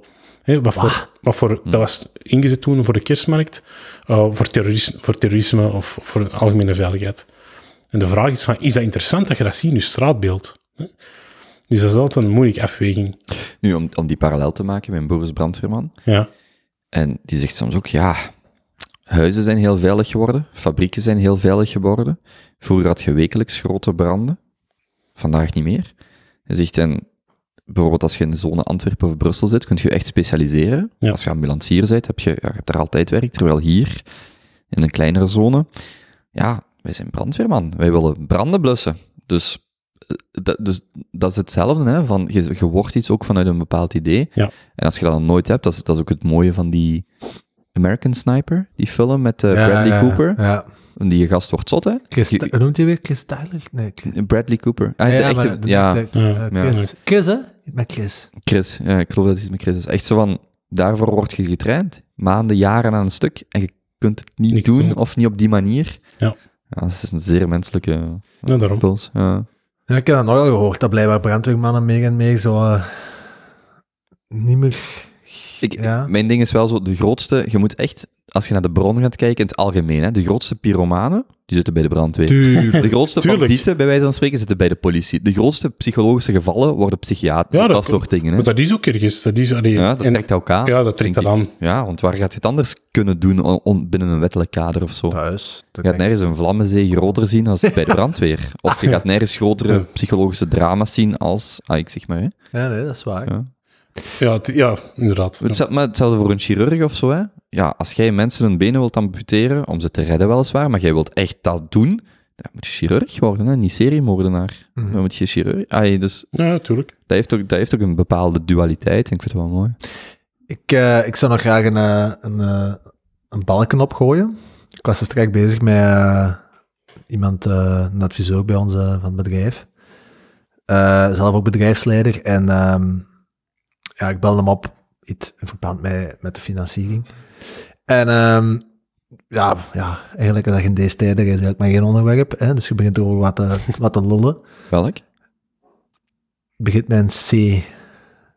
En het eindigt op Orona. Oké. Ja, oké. Eh, ik dacht dat je echt iets heel spitsvondig ging zeggen, maar ik denk dat de, Nee. de gin is al te ver. Gin is- ja, Ah, is dat? Oké. de gin is toegeslagen. Ik ben Maar- gestopt met rode wijn drinken. Ik drink puur Hij is gin. overgeschakeld op pure gin. Positieve evolutie. Ja, Quarantaine. ja. maar eh, ik had het met hem over. Eh, dat is geen grap. dat is triestig, dat is echt waar. Voor- Ah, daar gaan we het serieus over hebben. De effecten van, van corona. Even, even, even eh, kwalificeren. Ik heb een halve liter gin van een van mijn gasten gekregen. Mijn wijn is op, sneller dan verwacht. Dus, ik, dus in mijn hoofd zit, ik kan gewoon beter die gin eerst opdrinken voordat ik nieuwe wijn koop. Ja. Oké, Dat is wel zwart. Mooi. Dus over nagedacht. Oké, dus het- Ja. er is altijd een uitleg voor bij komen. Maar bon, ehm, ik had het met hem over... eh, er wordt niet heel veel... Eh, opnieuw, de, de, de, de dialoog gaat over België, hè, voornamelijk. En dan, wat gebeurt er vandaag? Hè, om 11 uur, die cijfers. Ja, oké. Ja. Ik ga dat ook kijken, hè. Ik bedoel, iedereen is daar benieuwd naar. Dat is ook niet slecht. Maar ik, ik vind het heel speciaal of... eh, hoe langer hoe meer begint er bij mij zo een vraag te komen van... Ja, oké, het is dat is goed. Hè? Er, komen die cijfers en dat is, ja, dat is heel belangrijk dat we, daar, dat we dat goed opvolgen. Maar hoe gaan wij hier eigenlijk uit geraken? Mhm. Allee, je wat- hoort zo af en toe iets vallen van een vaccin eind volgend jaar. Of nu ja, hè, in de gazet stond Ja. dat hè, begin September. 21... eh, Nee, september, hè, die nieuwe, nieuwe, nieuwe, die topdokter van, eh, Ja, ik weet wie. van die eh, serie. Die zei begin Van september. Pandemic. Begin september is er een vaccin. Ja, zegt hij, hè? Ja, alles wat ik ervan al heb gehoord, door echt uitgebreide, geen krantenkoppen, maar echt door Ja. specialisten, en dan eens een podcast van een uur of twee, is dat quasi onmogelijk. Want ze kunnen Mhm. iets hebben tegen bijvoorbeeld september, maar dan moeten ze daar menselijke testen op gaan doen. En je gaat echt niet op heel je wereldbevolking iets gaan toedienen als je niet eens Nee, eerst een jaar of anderhalf hebt kunnen zien van wat gebeurt hier nu eigenlijk. Want ze hebben voorbeelden uit het verleden, dat ze daar te snel mee zijn gegaan, dat ze zelfs gewoon te snel van een muis op een mens, en dat de mensen waar dat ze het aan hebben toegediend, twee jaar later in één keer blind winnen en dat niet toestaan. Dus dat wil je echt gewoon Ja. niet gaan mee Mag, mag ik daar even op inpikken? Want ik had dat hier ook opgeschreven. De Dark Horse podcast is eentje van... ehm, kent je Eric Weinstein? Daar heb je het al over gehad waarschijnlijk. Tuurlijk. Die manager van Peter Thiel. Ja, ja. Dus die Eric Weinstein heeft ook een broer, Brad Weinstein. Die is de laatste jaren wel aan het nieuws gekomen omdat hij op zijn universiteit is buitengesmeten. Omdat hij, zwart, een beetje in dat social, social justice warrior eh, verhaal. Die is een evolutionaire bioloog, zijn vrouw ook. Die waren alle twee professor daar. En die zijn nu die podcast gestart, Dark Horse Podcast. En ik was een aflevering aan het luisteren van drie of vier dagen geleden. Het staat op YouTube. En hij zei hetzelfde. Dus ik ken niks van biologie. Dat even, even bij zeggen. Dat ik, het, ik ga het fout herhalen, maar ik raad iedereen die podcast aan. Ehm, dus dat was de aflevering denk ik, van 28 maart. Maar hij zegt ook, je hebt verschillende soorten ziektes. En sommige hebben dan te maken zogezegd met DNA, sommige met eh, RNA. RNA. En dit is een ziekte die met RNA, RNA. te maken heeft, net zo gelijk, AIDS en griep. En hij zegt wel, een vaccin, je mocht niet al die virussen op, op één hoop gooien. Er zijn echt verschillende... We hebben geen vaccin voor AIDS bijvoorbeeld, we hebben geen vaccin voor eh, griep. Dus de hoop dat wij hier snel een vaccin voor vinden is zeer, is, is, kan- mag er zijn, maar is klein. Dan zei hij ook nog iets zots, wat ik totaal niet wist, blijkbaar. Dus een van de dingen waar dat we als mensheid echt mee zouden moeten stoppen, is heel dat bushmeat. Dus dat is niet louter wildvlees, maar Ja, dat ja. wij die bijvoorbeeld vleermuizen eten. En blijkbaar dus AIDS komt van een chimpansee. Maar dat is Dat- logisch, hè? Dat is logisch, hè? Wij, wij, wij, wij krijgen ziektes van dieren, hè? Ja. Dat is SARS, eh, ebola, dat komt allemaal van dieren, hè? Maar ik, wist dat niet. En hij, zegt, en hij zegt echt van, oké, we hebben de, de, de foute mens heeft de foute chimpansee gegeten en ondertussen zijn we 33 miljoen doden verder, verschrikkelijke ziekte als het over AIDS ging. Maar zo dat soort dingen, dan denk ik, oké, die vaccins, opnieuw, wat zou ik zeggen, moest ik een expert worden, zijn en een farmaceutisch bedrijf zegt tegen mij, hier heb je 250.000 euro als je zegt dat wij tegen september een vaccin hebben. Dat, dat is dan wat, wat ik direct denk als ik zo'n expert Ja. op spreken. Maar dan hoort je zo'n gasten, vooral duidelijk dat zijn evolutionaire biologen, niet eh, epidemiologen of virologen. En dat zeggen ze zelf ook. En dan was er nog één ding, wacht, nog één ding wat ik wil zeggen. Ehm, ehm, dat zij, en dat vind ik, wij lezen nu krantentitels of krantenkoppen met de strijd tegen het virus. En zij als evolutionaire biologen zeggen, ja, maar een virus, dat is ook gewoon iets evolutionairs, dat ontwikkelt zich. Dat is gewoon informatie in een cel, dat neemt een cel over en, en, en dat geeft de verschillende informatie en daardoor groeit een virus. Maar dat is ook een, evolutionair gezien, is dat niet meer of minder dan wij. Dat is gewoon organisme. En dat vind ik ook wel, aan de ene kant vind ik het ook wel mooi om daarover na te denken, van dat is ook iets wat zich evolueert en dat springt over van, van een vleermuis of wat dan ook naar een mens. En dat dat ook, dat je dat ook kunt bekijken, daarom luister ik graag naar hen, vanuit een heel andere context als wij tegen het virus, maar gewoon binnen, de, ja, binnen een meer holistisch beeld van, dit is gewoon natuur of evolutie. Biologisch beeld gewoon heel. Ja, dit is gewoon evolutie en ja, dit is wat het is. En misschien zitten we in een... Want het ging dan ook over het warmer worden van... Allee, dus eh, we gaan nu naar de zomer toe, Ja. maar dat dat dan ook weinig impact... Als evolutionair bioloog vond ik dat wel heel interessant om naar te luisteren van... Was die een, een visie daarop? Ja. Ja. Inderdaad, dat is zeker een andere hoek om, om er naar te zien. Maar waar ik het strek met hem gewoon ook over gaat, is ze houden zo precies als heel erg bezig met nu, nu, nu, nu, om eigenlijk gewoon maar niet de mensen of de, de, de grote massa te gaan laten nadenken van, hey, hoe gaan wij hier eigenlijk in godshemelsnaam uit geraken? Mhm. Mm. En daar is gewoon, nou, hoe meer dat ik erover na... Allee, mijn, Wat, wat als een jaar duurt, Ja, maar men, maar het, hetgene wat ik op basis van... En ik ben er ook absoluut niet 24-7 mee bezig, maar het enige logische argument dat ik tot nu toe heb gevonden van hoe dat wij hier gaan uitgeraken, is om, om toch natuurlijk, hè, als de piek nu misschien maar kan gedraaid worden, om toch voor die herd immunity. Ik, ik, zie geen andere, ik zie geen andere optie. Mhm. Ik heb het straks nog gehoord, vanaf dat je tussen de 60 en 70 procent hebt je herd immunity. Hè? Dus laat ons dan... Maar die hypothese is totaal ongetest.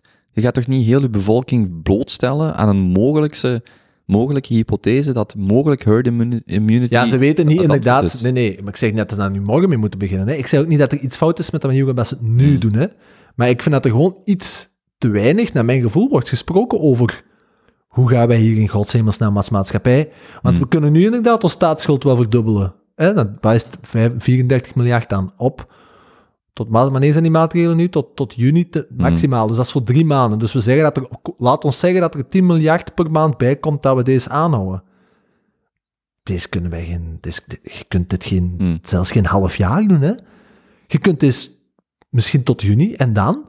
En daar wordt zo weinig over gesproken, heb ik Mhm. het gevoel. En ik zeg niet dat je daar niet meer die dagdagelijkse cijfers en zo moet Ja. communiceren, maar zo het grotere beeld van, mannen, wat gaan we eigenlijk doen binnen, dat is geen, dat is, dat is geen, dat is geen 100, dat is bij wijze van 90 dagen en dan zitten we op dat punt. Hè? Ja, klopt. Ja, oké, ik en ben, nu? ben akkoord, hè? maar we- we- ik denk de prioriteit ligt nu vooral in dat controleren en dat, dat begrijpen en vooral dat sociaal-psychologische kunnen onderdrukken. Die zien dat er geen paniek komt. Hmm. Want als je nu kijkt, ik denk dat we kunnen zien dat er ongeveer 20% van de mensen besmel- besmet zal geraken. Ja. Van, van inwoners in België. Ik denk dat, we- dat dat een ruwe schatting is vanuit mijn perspectief. 20%. Als je die kunt controleren en je kunt zien dat er in mondjes, mondjesmaat doorheen de verschillende maanden die nog komen 5%, 5% ziekenhuizen, ziekenhuizen, ziekenhuizen, dan is dat oké, dan is dat gecontroleerd. En dan kun je richting herd immunity gaan, dat je zo iedereen rustig dat virus dat die laten binnenkomen, misschien immuniteit kweekt, dat weten we nog niet, dat weten we nog niet 100%. Ehm, en dat je op die manier wel eh, je populatie goed kunt verdedigen, maar vanuit controle. Maar nu zitten we niet in die controle. Nu zitten we in een, in een zware, in een, in een chaosfase, waar je ineens van 0% naar, naar bijna 20% aan het gaan zijn. En Maar- ziekenhuizen kunnen niet aan, zorg, zorg, de sociale sector kan niet aan, en, dan, en de economie kan daar ook niet aan. Maar als je spreekt over een paar procenten doorheen elke maand, die dat ziek wordt, dan kan dat wel. Maar dat, dat is toch puur logische extrapolatie dan, want we zitten nu aan 30.000 besmettingen. Nee, nee, dat is, dat is, dat is, allee, dat is, dat is niks, hè.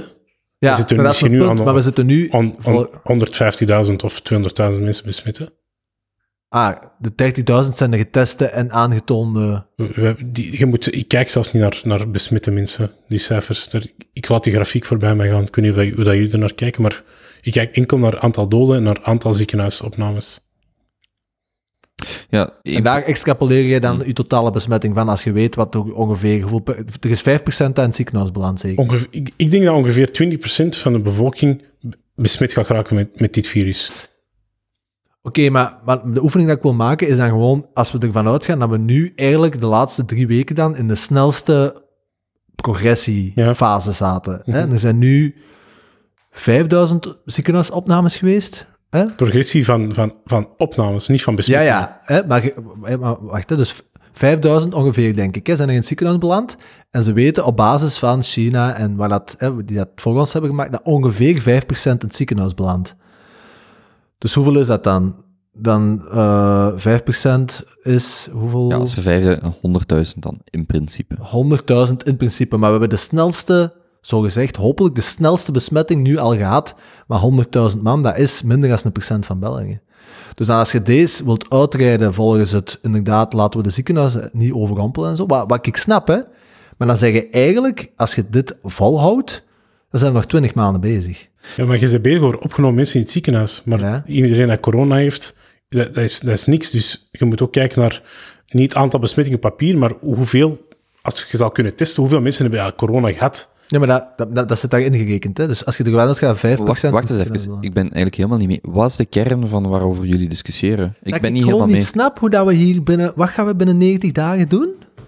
Ik snap dat Maar gewoon op welk niet. vlak? Gezondheids- of politiek vlak? Want daarnet gaf je het voorbeeld Gewoon in het algemeen? Nee, nee, ja, maar, we- nee, je moet dat, nee, nee, want wat jij zegt, over 90 dagen zitten we met begrotingstekort X. Ja. Dat is een politieke, economische Ja. realiteit. Dan heb Ik je ben dus- over, ik ben over gezondheid ja, bezig. dan heb je de gezondheidsrealiteit. Je hebt dus echt corona's virus, gezondheidstechnisch, of in de, binnen de geneeskunde. Dan heb je het binnen de politiek, binnen de economie. Ik ben niet helemaal mee over waar dat jullie... Mijn punt is dat als ik nu naar- kijk naar die cijfers en je extrapoleert dat, hè, dan zit er nu inderdaad, denk ik, ook aan 100 à 150.000 besmettingen. Maar dat is 1% van de Belgische bevolking. Ja.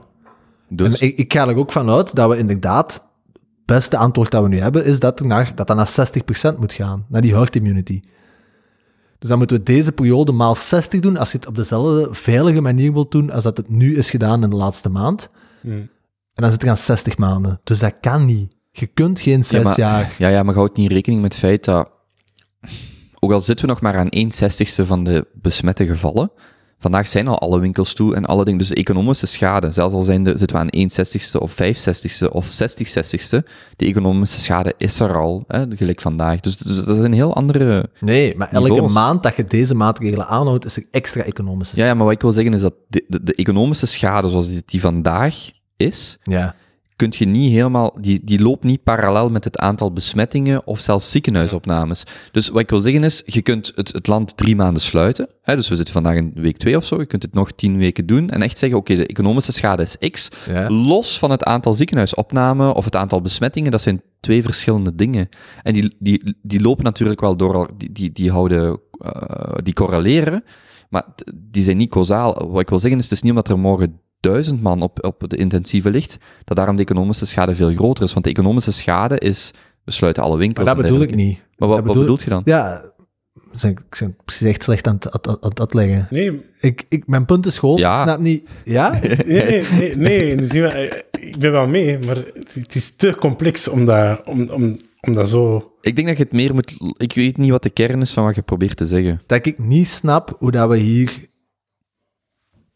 gaan... Hoe dat, je Hoe dat hier- normale leven terug kan starten. Ja, Dat is wat je wilt zeggen, toch? ja, hoe- ja, hoe gaan wij hier binnen 90 dagen... Wat gaan de maatregelen zijn dat we binnen 90 dagen gaan pakken om het op een gecontroleerde manier veilig te laten verlopen, gelijk als dat het nu Ja, verloopt? dus m- mondmaskers dragen, winkels gaan stap per stap open, bepaalde sectoren gaan terug open, mensen gaan nog altijd ziek worden, dus dat virus gaat zich terug verspreiden, maar minder extreem, omdat niet iedereen terug, omdat metro's niet vol gaan zitten, maar minder, minder leeg. Dus je gaat gewoon, alles gaat mondjesmaat terug opstarten. Maar het gaat dan zich toch juist terug sneller gaan verspreiden. Niet, het gaat zich verspreiden, maar niet, niet meer over 11 miljoen mensen die nu doen wat ze willen. Het gaat meer over andere mensen die nu buiten gaan, maar minder qua populatie. Die gaan ook wel In, Corona in, uw- krijgen. In uw vraag zit trouwens ook al de assumptie dat het over drie maanden, misschien is dat zes, misschien is dat twaalf maanden, dat, dat weten we niet. En er is nog iets wat dat die, die, die Weinsteins in een podcast aanhalen, wat ik ook heel schrik, afschrikwekkend Ja. vond. Wij zitten altijd in ons idee, in ons hoofd, dat van, vanuit een vaccin gerekend, ehm ofwel pakt je een vaccin wat eigenlijk een, het toedienen is van een kleine dosis van de ziekte, of je hebt de ziekte, het virus, Ja. en daarna zit je immuun. Maar er zijn effectief ziektes waar dat de tweede keer dat je geïnfecteerd wordt, zoals dengue, ehm, dat veel erger is dan de eerste keer. Die zijn er ook. ja, Dus iedereen denkt maar, ah, een vaccin, dat is de oplossing. Maar er zijn effectief ziektes waar, als je het de tweede keer krijgt, je veel erger eraan toe bent. Dat zou, dit, dus waar je met een korte tijd immuun bent. dat, zou dit, ja, dat zou dit ook kunnen zijn. Dus Ja. wat ik wil zeggen is, die assumptie van drie maanden, dat is, ook, dat is een assumptie om op uw vraag te antwoorden. Buh, wie weet dat? Dat is bangelijk, hè? Wij weten eigenlijk niks. Da, maar dat is mijn punt gewoon. En dat vind ik, allee, dat vind ik zo... Ja, Vind je dat beangstigend? Maar, niet beangstigend, maar ik, ik, ehm, ik vind dat daar heel weinig wordt over gesproken gewoon. Maar wat kun je erover zeggen? Wij zijn al een kwartier, proberen we uit te vissen wat het is dat we proberen te zeggen, omdat we niet duidelijk weten. We Ja, maar niet dat is de, tools grote, om dat is de te grote vraag toch? Hoe ga je daar, hè, want het is nu globaal, hoe gaan wij daar globaal gezien mee verder gaan? En het is heel echt bezig op het, op het nu, hè, en wat vandaag, en wat doen we vandaag, en wat doen we vandaag, en wat doen En we laten zo precies de, de, de beste vergelijking dat je misschien kunt maken is met een olifant in de kamer. En er staat echt, naar mijn gevoel, zo'n gezachtige roze olifant op de grond te stampen. En, en we kijken er gewoon niet naar, precies. Snap je? Dat is zo'n beetje het gevoel waar ik misschien wat mee rondloop. Van oké, dat, dat is belangrijk, hè? Van flatten the curve en, en de dagelijkse opnames. En super, hè? don't get me wrong. Maar het lijkt dat we 99% van de tijd daarmee bezig zijn. En dat een olifant daar maar staat dat toeteren en op de grond te stampen. En, en we zijn hem precies zo wat... Denk jij dat dat deels is? Dat is als, je, als je het zo zegt, dan denk ik gewoon omdat ons landschap zo gefragmenteerd is. We horen de mening van de viroloog, de politicoloog, de econoom, de socioloog. Dat, en ieder heeft wel een stukje visie op de waarheid. Ja. Maar begin daar eens een geheel van te vormen van, oké, en zo gaan we als samenleving vooruit. Want de ene zegt dit, de andere zegt dat, en de ene zegt, ja, maar het begrotingstekort is verschrikkelijk. En dan heb je een extreem links of extreem rechtse politicus die daar zijn gewin uit haalt, en dan heb je dit, en dan heb je dat. Mhm. Dat je echt denkt, wat, wat is zelfs de, de realiteit? Iedere burger is zijn eigen dokter, of doet zijn eigen research via het internet. Dat is daar ook een factor in. Ja. Niemand luistert nog naar iemand anders. Terecht, onterecht. Ik denk dat als je zegt van, wat is ons plan? Wie gaat het zeggen? Ja, dat weet ik niet, maar Wie- wie dat volgens jij? mij het des te belangrijker is dat je, die, dat je daar op tijd over begint te praten. Maar dat doen wij Want nu dat op is dit niet- moment. maar dat doen wij op dit mensen, moment. Mensen denken Ah. daarover, maar hebben gewoon geen handvaten. En ik denk daarnaast ook, hé, je spreekt over inderdaad wat, ik hoop, wat jij zegt, vind ik wel sterk. Van, ehm viroloog zegt dit en, en een bioloog zegt dat en evolutie zegt dat. De wetenschap weet het zelf niet. Waarom? Omdat wetenschappelijk onderzoek, en heb ik geleerd, en dat zullen jullie misschien beter weten dan ik, ik ben geen wetenschapper, maar de wetenschap op zich is ook heel gekleurd, is ook heel subjectief. Dus elk wetenschappelijk onderzoek kan gebaseerd zijn op, op, op, fouten, op biased information, waardoor dat we eigenlijk met heel weinig echt concrete informatie aan de slag kunnen, die zo nog eens gefragmenteerd is, waarom dat we eigenlijk niks hebben. We hebben gewoon losse stukken steen in ons, in ons hand, maar we hebben geen echt werktuig. En we kunnen dat ook niet samenvoegen. Dus we weten eigenlijk niet. En ik denk dat we ook ons een stuk veel geluk moeten hebben, een stuk aan het lot overlaten en proberen gezamenlijke richting te kiezen. Je kunt zeggen slijk of modder, maar we moeten, een- we moeten gaan kiezen. Want nu staan we te trappelen Ja? en niks aan het doen. En dat is ook wel zo. En we moeten eerst, we moeten eerst een keuze gaan maken en die, gaat- die gaat ook wel vallen. En die, wordt, die zal wel, Wat ik zal wel wel komen. heel cool vind, is om te zien, eh, en ik volg ook heel graag Twitter-accounts die daarop ingaan, is hoezeer, een, hoe, hoezeer dat dit globaal mensen stuurt. Pharma, wetenschappers, iedereen zit te denken in wat zijn oplossingen die we kunnen, bevin- die we kunnen vinden. Ja. Van, van, van nieuwe mondmaskers tot nieuwe Ja, beademing. cool, MIT had een be- beademingstoestel voor onder de 100 dollar. Ja. Dat je echt zo gevolgd dat je denkt echt, oké, dit is geen Manhattan Project, het is anders, maar het is echt wel zo It's getting, getting close. ja, iedereen Ja, is echt zo van bam, Maar een diamant, een, diamant, een diamant wordt ook Sowieso. gemaakt onder druk. Allee, Ja. We moeten die druk hebben om, om ergens naartoe te gaan. Sowieso. De vraag is, hoe lang gaat dat duren en wat gaat dat ons kosten? Ik zal u dat in de week Ja. trouwens doorsturen. Sanne, Sanne van Balen, ken je ook, hè? Mhm. Die een eh, ma maat, goede maat van mij, die is... ehm, ja, wat is het? Die geeft nu les aan de burgerlijke ingenieurfaculteit. En die, ja, die deed ook onderzoek. Nou, nu doen die geen onderzoek, nu zijn die allemaal aan het, aan het lesgeven. Even alle hens aan dek.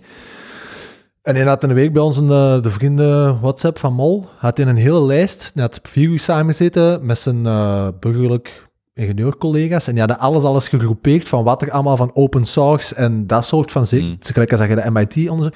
Jongen, dat is dan een lijst. Dat is echt... Dat is echt zot. Dat is Ja, echt... Dat is, heel het is heel cool om te zien. 21e eeuws Manhattan Project. Ja. Niet meer 25 van de slimste mensen in een bunker, maar open source en, en eh, Mm. eigenlijk proberen de globale... We hebben nood, we hebben echt nood aan een supercomputer, of een, iets, een, iets dat echt op een hoog niveau kan denken, dat bepaalde link kan leggen tussen verschillende onderzoeken en dan deducties kan maken tot een procentueel dat het beste oplossing zal kunnen geven. Ja, ja. Waar dat je verschillende domeinen, zoals Hmm. psychologie, eh, sociaal psychologie, biologie, alles, eh, als je dat allemaal kunt samenvoegen en dan tot een bepaald procent kunt komen. Ja. Mm. En dat is, dat is, dat is de toekomst. Dus Ja. in mijn ogen is dat de toekomst. Nu, ja, maar dat, dat Ja. Gaat, dat de computer kan zo'n conclusie maken, maar dat is geen waar we het vorige keer over hadden. Dat gaat moeten overgebracht worden Voilà. door een mens. Ja, dat, is ja, wat ik, tuurlijk. dat is wat ik, ik wou Ja, zeggen. Een en computer dat, kan... dat- ja. die komen niet, hè? Jij Nee, maar die informatie wordt niet verwerkt, omdat het altijd op verschillende eilandjes zit. En we moeten een soort van overbruggingsfactor hebben die dat alles kan samenvoegen. Ja, maar ik ont, mij ontbreekt een leider. Een, een, een iemand waar, ik- waar ik mij achter kan zetten. En eigenlijk het enige, ik heb er al veel over proberen na te denken. Ja. Het enige antwoord dat ik erop kan vinden is: wie zou ik echt geloven in deze crisis?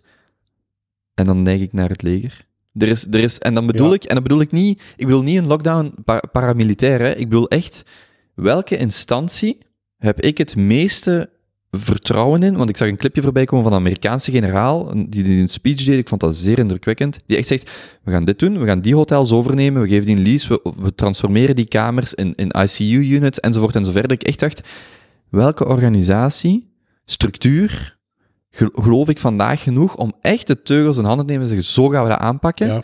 En eigenlijk, behalve het leger, kom ik niet heel ver. Maar het punt dat wat ik wil maken is, zelfs dat is niet een ver- voor de hand liggende, zeker niet in België, is Ja, dat geen voor de hand liggende keuze. In de VS is dat nog iets anders. Ja, daarom.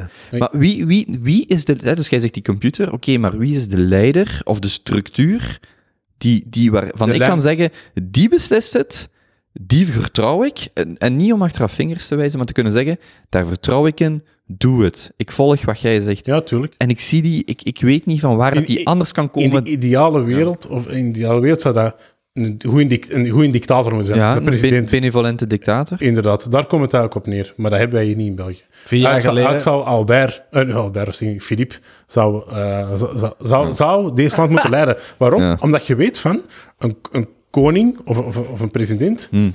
Die heeft het beste voor, voor, alle, voor, Ja, alles, ja, ja. voor alle leden van de staat. Maar opnieuw, wie is dan onze symbool? Eh, Vier jaar geleden had dingen, had ten, eh, ten Obama, Ja, ja. ten Obama hè, die had nu toch echt geshined. Ja, ja, Zoiets maar- gelijk als deze, echt... En dan had hij oh, keuzes, mannen. gemaakt, dan had hij keuzes gemaakt die misschien achteraf niet ideaal zouden zijn geweest, maar op dat moment had hij de meest... En heel de westerse wereld had erin Ah, meegegaan. wel, daarom. Sowieso. Dus we hebben dat nodig. We hebben en niemand... ja, maar daar, ga- daar, daar kunnen wij niet op. Wie, wie is... Ik zie... Ja, ja. Je wilt dat nu Ja? concreet maken, of je wilt echt een naam, of je wilt echt een, een, een functie. Nee, zelfs een, een ideaalbeeld van iemand. Ik zie gewoon niet... Wel, een, een president of een, of, of een koning. En, want jij zegt het leger, maar ik vind dat nog, dat is nog een stap... Je mocht dat, je mocht dat groter bekijken.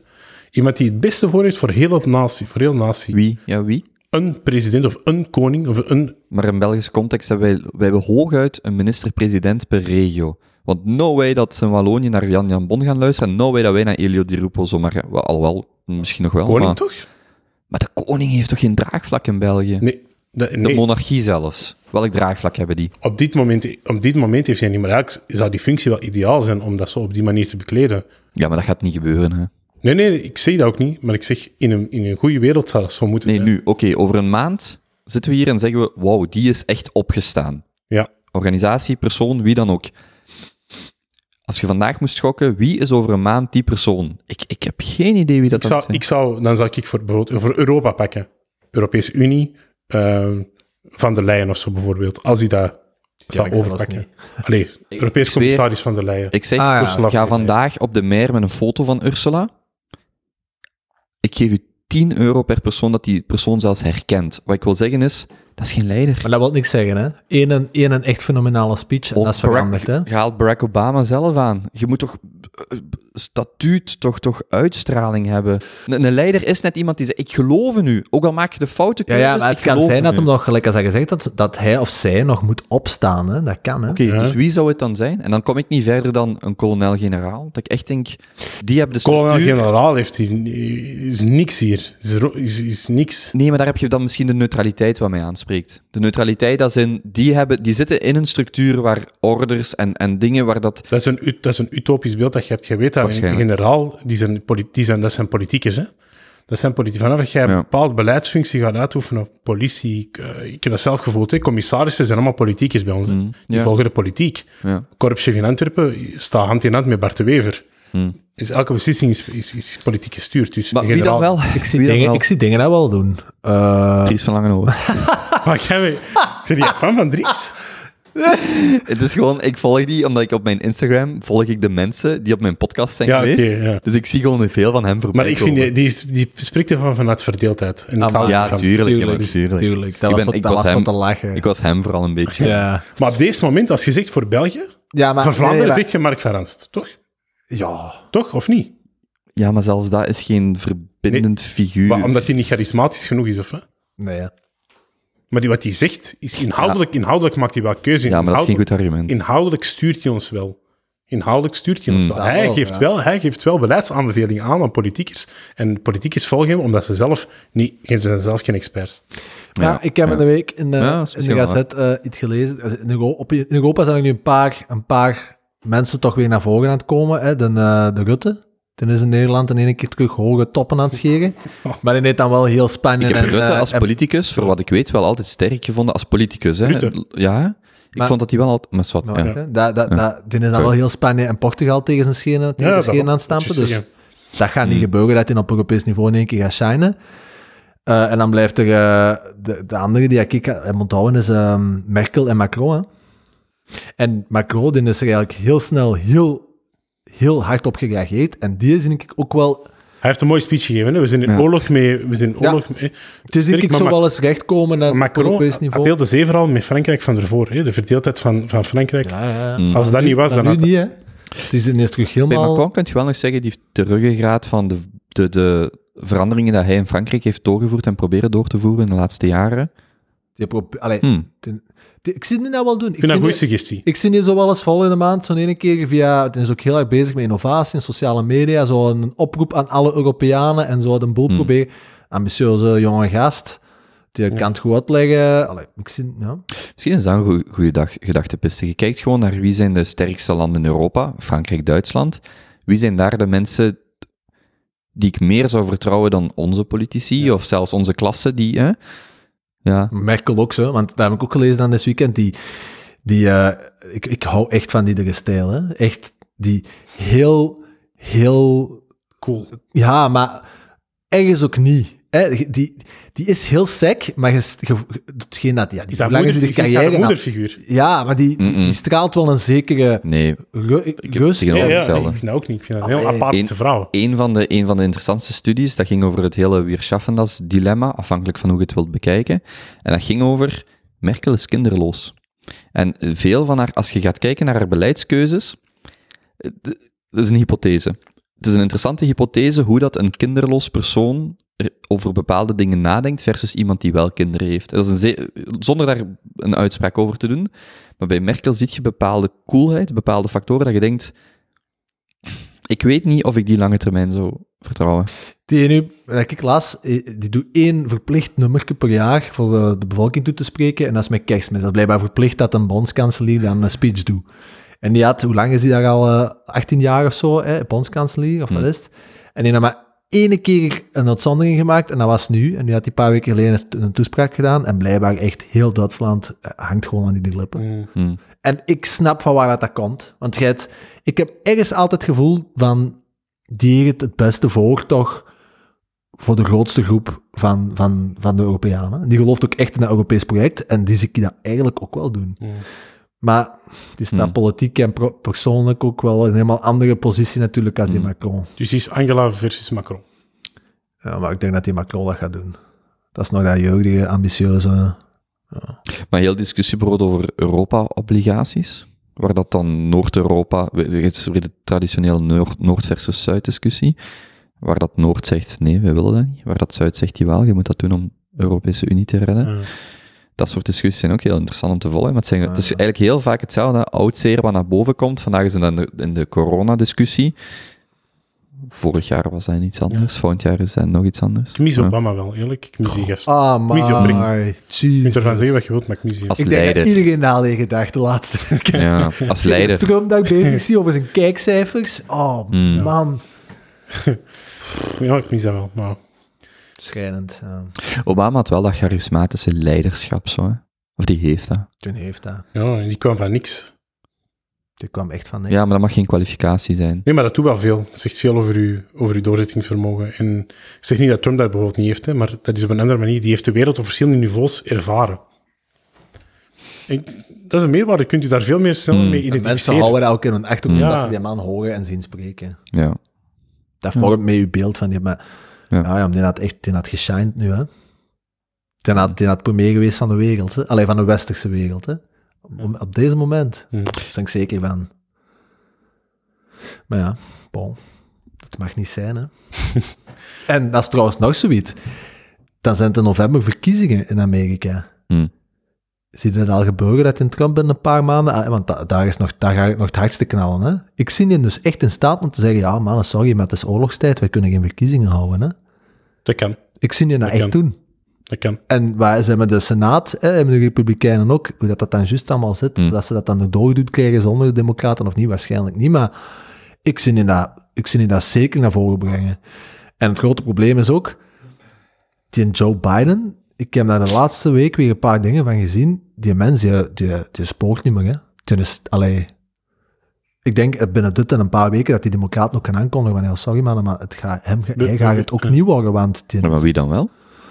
Wel, eh, hoe noemt hem nu? Sanders heeft er pas verloren. En die, er is er nu één en heel hard aan het opkomen, hè, de, de gouverneur van New York. Is het gouverneur? Bloomberg. Cuomo. Bloomberg. Nee, dat Nee. is een burger, De burgemeester, ja. Bloomberg. het is de gouverneur, denk ik. Dat is Cuomo. Is Cuomo. Cuomo, denk ja, ik. Cuomo is de gouverneur. En is nu blijkbaar bij heel die coronacrisis heel het punten aan het Die is, scoren binnen de die, die is wel democratische schattig, hè. die heeft zo zijn broer, dat is ook zo'n journalist. En die babbelt dan zo... eh, Dat is ook zo'n nieuwsanker, dat is wel echt grappig. Die moet, hij moet die dan interviewen, zijn eigen broer, en zit hij los op het nieuws van, hé, hoe is je moeder en zo, je moet hem niet gaan bellen. Dat was, dat was eigenlijk wel grappig. Ik vind wel, als dat de kwalificatie is, zou ik er per definitie niet op stemmen. Je mag niet, vind ik, een wereldleider kiezen, gewoon over hoe dat hij met één crisis omgaat. Dat is toch een... Ja, nu, ik, nee, wacht, ik pak dat terug, want ik weet er niet genoeg van. Dat is gewoon mijn eerste impuls van, als je op die manier je profileert, ik bedoel, ik bedoel dat niet bewust, maar gewoon dat gebeurt, ik vind dat geen goed argument om daarom... Nee, dat snap ik, maar als eh, de democratisch gekozen persoon 79 jaar is en duidelijk, duidelijk symptomen begint te tonen van eh, mentale tekortkomingen, Maar dat is de bloedarmoede van dat Amerikaans systeem, hè. Dat, er, dan, ja, dat is een Ja, probleem dat wij niet hebben, maar... doen? Allee, binnen drie, het, vier maanden zijn het verkiezingen, hè? Het gaat niet meer democratisch gebeuren, hè? Je gaat niet meer al die Amerikanen sportzaaltjes krijgen en opnieuw gaan laten Er is één Amerikaans, maar die, die doen niet mee, maar het is Alexandra Orca Ja, ook is de jong, hè. Alexandra Cortez, Ocasio-Cortez. Ocasio-Cortez, geloof ik. Echt een ongelooflijke vrouw. Echt, eh, Maar die is te jong, hè? Maar zeer links wel, hè. ja, oké, maar het is ongelooflijk. Die, Ik heb daar een documentaire van gezien, dat is wel echt maf. Dat is echt zot, ja. die, gaan mooi, die kan mooie dingen doen, ik zal het wel zeggen. Echt waar, ik meen Maar dat die, gelijk wat dat Kobe zegt, Kobe, je zit zo aan het kijken. maar die, heeft die het talent al veel te hard verdeeld. Die gaat te hard. En die al, denk ik, dat is zo wat de grote vijand van, van heel rechts Amerika ondertussen. En, en, ja, en ik, bekijk, ik bekijk politici graag door de, niet door de bril van links-rechts, of progressief, eh, of democraat-republikein. Maar verbindend. Ehm, nee, ook Nee. niet. Door eh, de bril van statisme. Ja, Als in meer staat of minder staat, Mhm. dat is voor mij de belangrijkste lens. En als je het dan over eh, Alexandra, Alexandra hebt, met de Green New Deal, hetzelfde wat Trump er nu doorduwt. Hè. Wie had ooit gedacht dat de grootste socialist een republikein zou zijn, maar met dat 2 biljoen pakket. Heel veel politici, zowel in België, maar ook in de VS, zijn voor meer overheid. En dat is iets waar ik per definitie het heel moeilijk mee heb ja oké. minder overheid ben ik altijd... Links of rechts maakt mij zoveel nog niet uit. Maar meer of minder... Dat is voor mij de belangrijkste lens. Maar- en Ocasio-Cortez Allee. is meer overheid. Kobe, Dus hou jij, dat, hou je nu nog hou je u vast aan dat standpunt na, met hetgeen dat we nu ook meemaken? Ik ben wel... Ja, dat is een mooie, dat is een goede ik vraag. Omdat ik ben helemaal... Ik ben grotendeels teruggekomen van het libertijns standpunt. Libertaris. sorry. Ja, ja. Libertijns is religieus. Maar het libertaris standpunt... Je ziet nu heel duidelijk dat een libertaris standpunt gigantische limieten heeft. De libertariërs zijn de mensen die in de supermarkt alle wc-papier opkopen. Want Ja. die zeggen, ik... En, en er is geen staat, of zo weinig mogelijk staat, en, en dat vind ik het belangrijkste. Dus die gaan al het wc-papier... Dat, dat is zo een beetje de karikatuur, maar dat klopt wel. En eh, dus libertarisch gedachtegoed, zo weinig mogelijk staat, of geen staat, sorry, heeft duidelijke grenzen wanneer dat je net een, een overkoepelend organisme, een staat, nodig hebt om in te grijpen. Wie gaat de ziekenhuizen bouwen? Wie gaat het beleid uit? wie beschermt mensen tegen zichzelf? Als in, je blijft nu in quarantaine. En daar botst een libertariër enorm tegen. Je hebt dan de, de tussenvorm, de anarcho-kapitalisme. Dat is zeer interessant trouwens om te googlen. Ga dat maar eens op Wikipedia. Anarcho-kapitalisme. Maar Heb dat, jij daar al eens van gehoord? dat, is, dat is eigenlijk een... Nog nooit. Ik ook niet. Nee, maar dat is een politieke stroming. Eerlijk. Maar, maar die, die politieke stroming, en daar... Je moet heel goed oppassen met jezelf te labelen, maar dat is iets waar ik graag dieper in ga, is... Wat is de minimale overheid die we nodig hebben? De minimale politiemacht, de minimale structuur. Ja. En, dat, en, en dus, dus om op uw vraag te antwoorden, ja, er is de realiteit van vandaag, maar dat er zomaar ehm, miljarden worden bijgecreëerd aan schuld, waar we lange termijn de, de, de, de, eh, repercussies niet van weten, dat er zomaar bijvoorbeeld politiegeweld mag of kan escaleren, dat soort dingen, dat wringt heel hard. En heel veel dus daarom dat ik zeg dat ik, ik bekijk politici heel graag door de lens van, zijn zij voor meer of minder staat? En, en dat vind ik heel... Zelfs, zelfs po- politieke partijen of mensen waar ik van geneigd zijn, zou zijn om op te stemmen, als ik zie dat ze hier bijvoorbeeld zijn voor, ehm, hoe zou ik dat zeggen? Als morgen links, een, een, ik zeg maar, Conor Rousseau zegt van we gaan gewoon onze belastingaangifte, we doen dat helemaal weg, dat systeem zoals dat bestaat, en we gaan naar bijvoorbeeld een Deens model met maximaal 50 lijntjes. Mhm. Heel die belastingbrief weg. En gewoon vereenvoudigd. Dat maakt mij dan niet uit of die links of rechts is, zelfs niet extreem links of extreem rechts, dat is waar ik voor sta. Duidelijkheid, minder, minder lompe achterpoortjes, dat soort dingen. Dat is mijn uitgangspunt. Daar, daar ben ik in geïnteresseerd. Maar dat, snap ik wel, maar ik denk, allee, ik snap waaruit dat komt en ik ben daar voor een heel groot deel mee eens. Maar ik denk dat je na deze weken wel nooit, ik denk, allee, ik, zou de week nog passeren van wie kan er nu na dit nog naar voren komen met het programma eh, Er is geen overheid nodig. Hè? Allee, heel dat libertijnse, na dit, hm. Zelfs al gebeurt er zoiets gelijk als Mhm. dit, maar ene keer om de, laten we zeggen, een crisis van deze oude grootte. Ik denk dat dit het- de grootste crisis is sinds Wereldoorlog 2, hè? let's face it. Het is van een andere aard, maar Mhm. tegen dat spel gepasseerd is, zal dit Ja, waarschijnlijk... ja, sowieso. hè? Economisch en allee, nog meer, hè? Ja, Nog meer, denk ik. dus zelfs al gebeurt zoiets als dit, maar ene keer in de 100 jaar, stelt u nou maar voor dat je in een van die landen leeft in Afrika, waar dat je amper een functionerende overheid hebt. Hè? Ik ik, ik Hmm. kus mijn beide pollen nu, elke dag dat wij in België leven en niet in... eh, maar er is een, Nee. maar, maar, er, er, maar en ik daar, snap van waar dat, dat komt. Ik snap van waar dat, dat komt. Ja, hè. maar ook daar moet je... De, het probleem is dat dat, complex, dat dat probleem zo groot is, of die situatie zo groot is. Als je kijkt naar... Gewoon een heel simpel voorbeeld. Als je kijkt naar België, Duitsland, Nederland bijvoorbeeld. Die drie landen zijn democratisch gezien zeer gelijkaardig. Ja. Als in, ook qua, qua welvaart en dergelijke. Als je gewoon kijkt naar de staatsschuld. Nederland heeft dat gigantisch afgebouwd Ja. de laatste twintig ja, jaar. ja, ja, ja. Duitsland heeft, die hebben alle twee een begrotingsoverschot. Zeer gelijkaardig, hè. Vlaanderen is dan nog anders dan België, maar, of dat zijn twee verschillende beestjes. Maar eh, zelfs nog binnen dezelfde context heb je echt wel zeer grote verschillen in hoe dat je omgaat met eh, fiscale eh, verantwoordelijkheid en orthodoxie en dat soort dingen. Dus Maar gaat het bij u dan niet eerder over dat je meer gestemd, dat je meer neigt naar een, eh, een efficiëntere overheid? Dus een, Ja, een bijvoorbeeld. Daar komt het op neer, hè? Ja, maar voor ja. Kobe, Kobe zegt van 50 lijntjes is efficiënter dan een heel boek. Hm. En ik wil gewoon efficiëntie zien. En ik wil geen, geen getreuzel meer zien. voor mij daar, is, komt daar, daar is denk ik het 100% Voor mij maar dat is wat wel- iedereen wilt. Ja, ja, maar je moet ook wel weten wat was uw insteek. Voor mij is de insteek grotendeels, en dat is het, ik vind dat wel belangrijk. Mijn insteek is grotendeels dat mensen met meer vermogen hebben disproportioneel meer voordelen. Of ik, ik ga het anders zeggen, mensen met beperkte vermogens hebben disproportioneel meer nadelen, omdat ze de, de mazen van het net niet vinden of niet kunnen vinden. En ik vind dat een, een efficiëntere overheid een, een egaliserend effect heeft. Want je haalt er de achterpoortjes uit voor heel veel mensen die net omwille van vermogen hogere efficiëntiewinsten kunnen halen. Maar, dan- goed, Maar oké, maar dan zeg je wel van eh, gelijkheid voor de wet en, en, en iedereen, bijvoorbeeld een basisinkomen voor iedereen. Dat, ik ben daar geen fan van. Nee, ik weet het, maar dat, dat zou, een, dat zou een, een- als je dat verder doortrekt, zou dat wel... Nee, want dat is logisch- weer meer overheid. Dat is meer, meer Dat is distributie. niet waar. Nee, maar Dat is niet waar. wat jij, als ik daarop inspeel, dan is dat een logisch gevolg wat jij, wat jij eigenlijk zegt. Want jij zegt, we moeten de maatschappelijk kwetsbare doelgroepen moeten Hmm. we ondersteunen. Ja? Dus die moeten meer geld krijgen, moeten meer ondersteuning krijgen. Toch? Jij, uw assumptie is dat ondersteuning enkel monetair is. Nee, nee, dat zeg ik niet, maar dat is echt. In dit dat, voorbeeld wel. nee, Maar, dat is als basis. ja. Maar ook op andere vlakken. Ook op kansen op onderwijs, op kansen van job, jobaanbiedingen, Hmm. op, op psycho, psychosociaal vlak. Maar je moet daarmee oppassen, omdat ehm, als je zegt iedereen gelijk, dan nog altijd komen er altijd verschillen. Dan, dan kun je meer naar richting een communistische maatschappij gaan.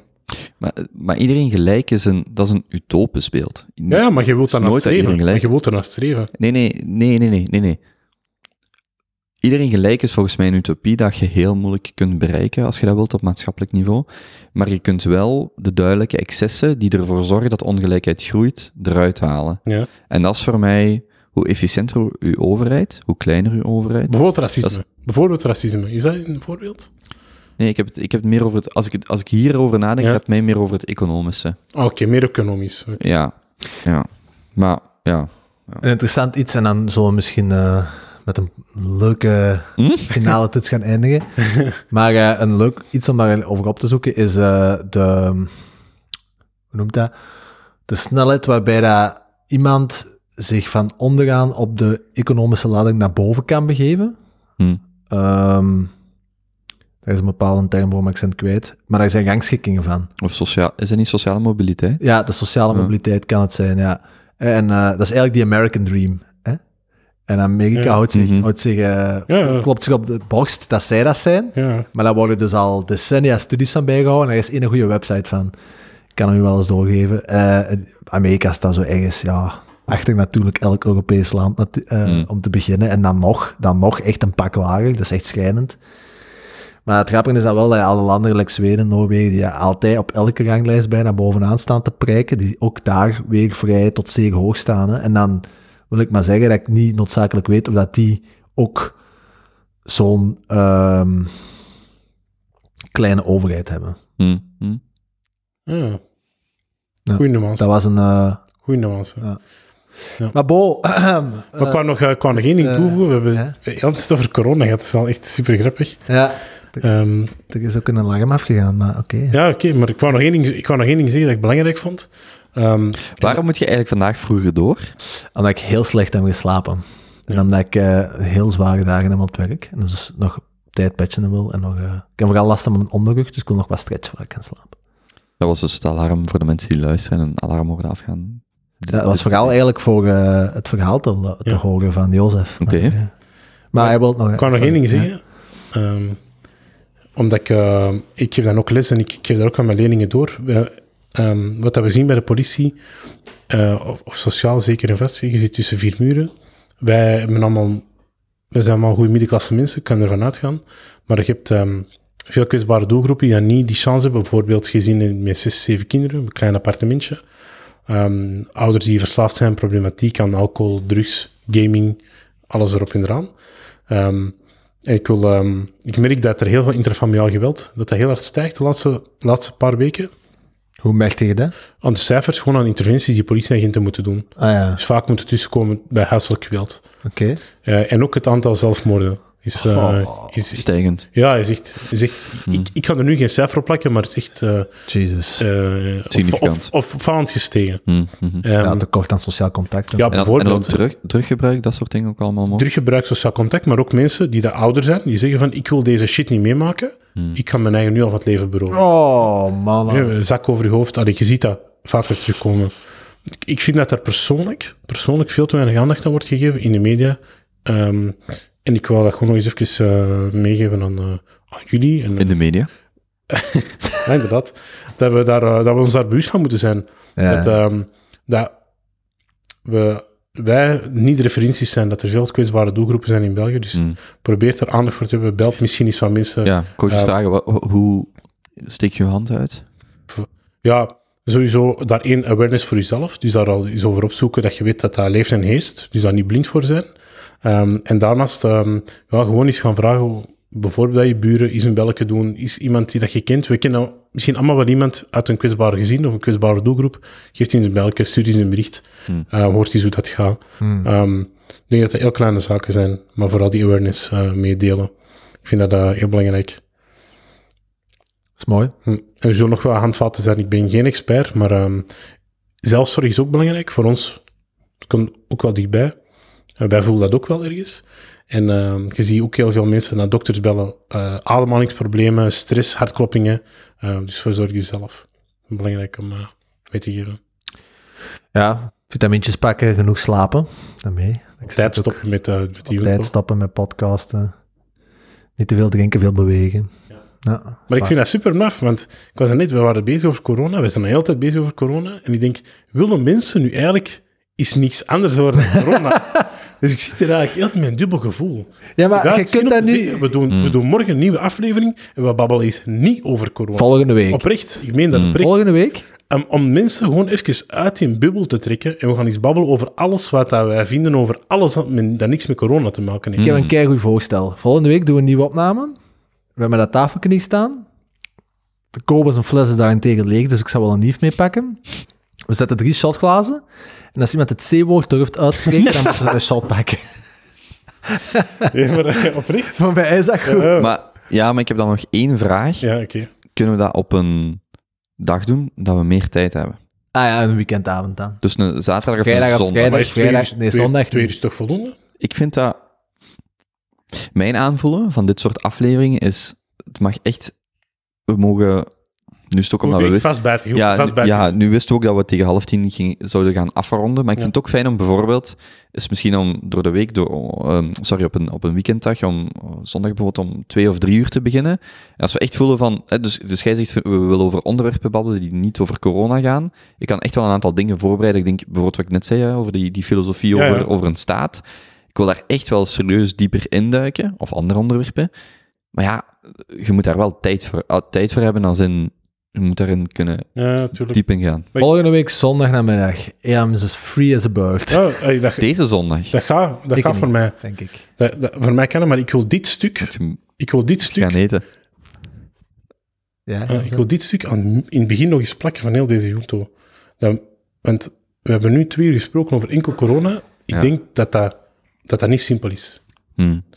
Dat mensen weten van in het begin, oké, het gaat hierover gaan, maar er komt iets anders ook. Ja. Gewoon om even die war- mensen warm te maken, die positiviteit terug even mee te Ja, pakken. ik wil- Want ik wil we, het we zo- zijn echt wel diep ingaan op, op, op bepaalde zaken die daar niet, waar mensen echt verzadigd van zijn. Ik, ja, ja, nee. Als in, ja, ik wil heel graag eens gewoon niet-corona-aflevering maken en over de, de dingen babbelen die u nou aan het hart liggen, die u een maand geleden zeer nauw Ja. aan het hart lagen voor corona. Klopt. Laat ons die bespreken, heel graag. Tegelijkertijd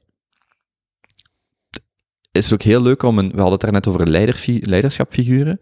Er zijn ook mensen die hier naar luisteren, dat ehm, een vertrouwde stem horen babbelen over de dingen waar jij zelf mee zit, is ook heel aangenaam. Dat klopt. Maar ik begrijp wel, ofwel Klopt. babbelt je erover, of je babbelt er niet over. Maar niet zo half-half. Ja. Dus ofwel zo. Volgende week zondag, namiddag, daar een fles gin, drie Mm. shotglazen en een lege namiddag. vind we zullen daar voor iets eten hier. Ik vind, dat, ik vind dat goed, maar weet je, ik zei voor Allee, op tegen veilige afstand, hè. Ik zei tegen u, wat jij zegt in je aflevering, dit en dit en dit komt allemaal aan bod. En ik vind dat interessant. Je ziet gewoon al in de beschrijving van, deze komt er in, in deze Junto Mm. aan bod. En ik vind Ja, dat leuk. misschien dat moet je timestamps maken. Maar nu, maar nu, het enige wat dat wij nu doen, is corona. Dus je kunt nu zeggen corona en dan al die onderverdelingen rond corona. Dus dit is een corona-podcast. Hm. Hè? Dus dat wil ik gewoon meegeven. Zullen we dan ieder een aantal voorwerpen voorbereiden of zo? Ja, dat is goed. tegen volgende week.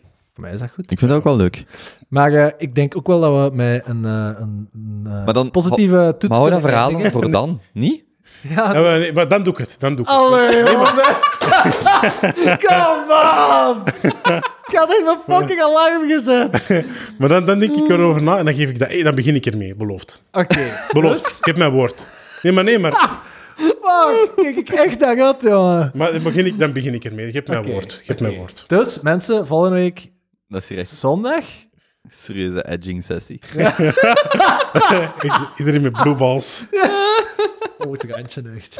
Op het randje. dan, eh dan, eh volgende week zondag, dan, dan beginnen we met het verhaal. Ja, beloofd. Dat Ja, vind ik dat is echt goed. Goed, vind ik een knaller om mee te eindigen, hè, Colin. Oké. Klets, klets maar af. Goed, tot volgende week. Yo, tada.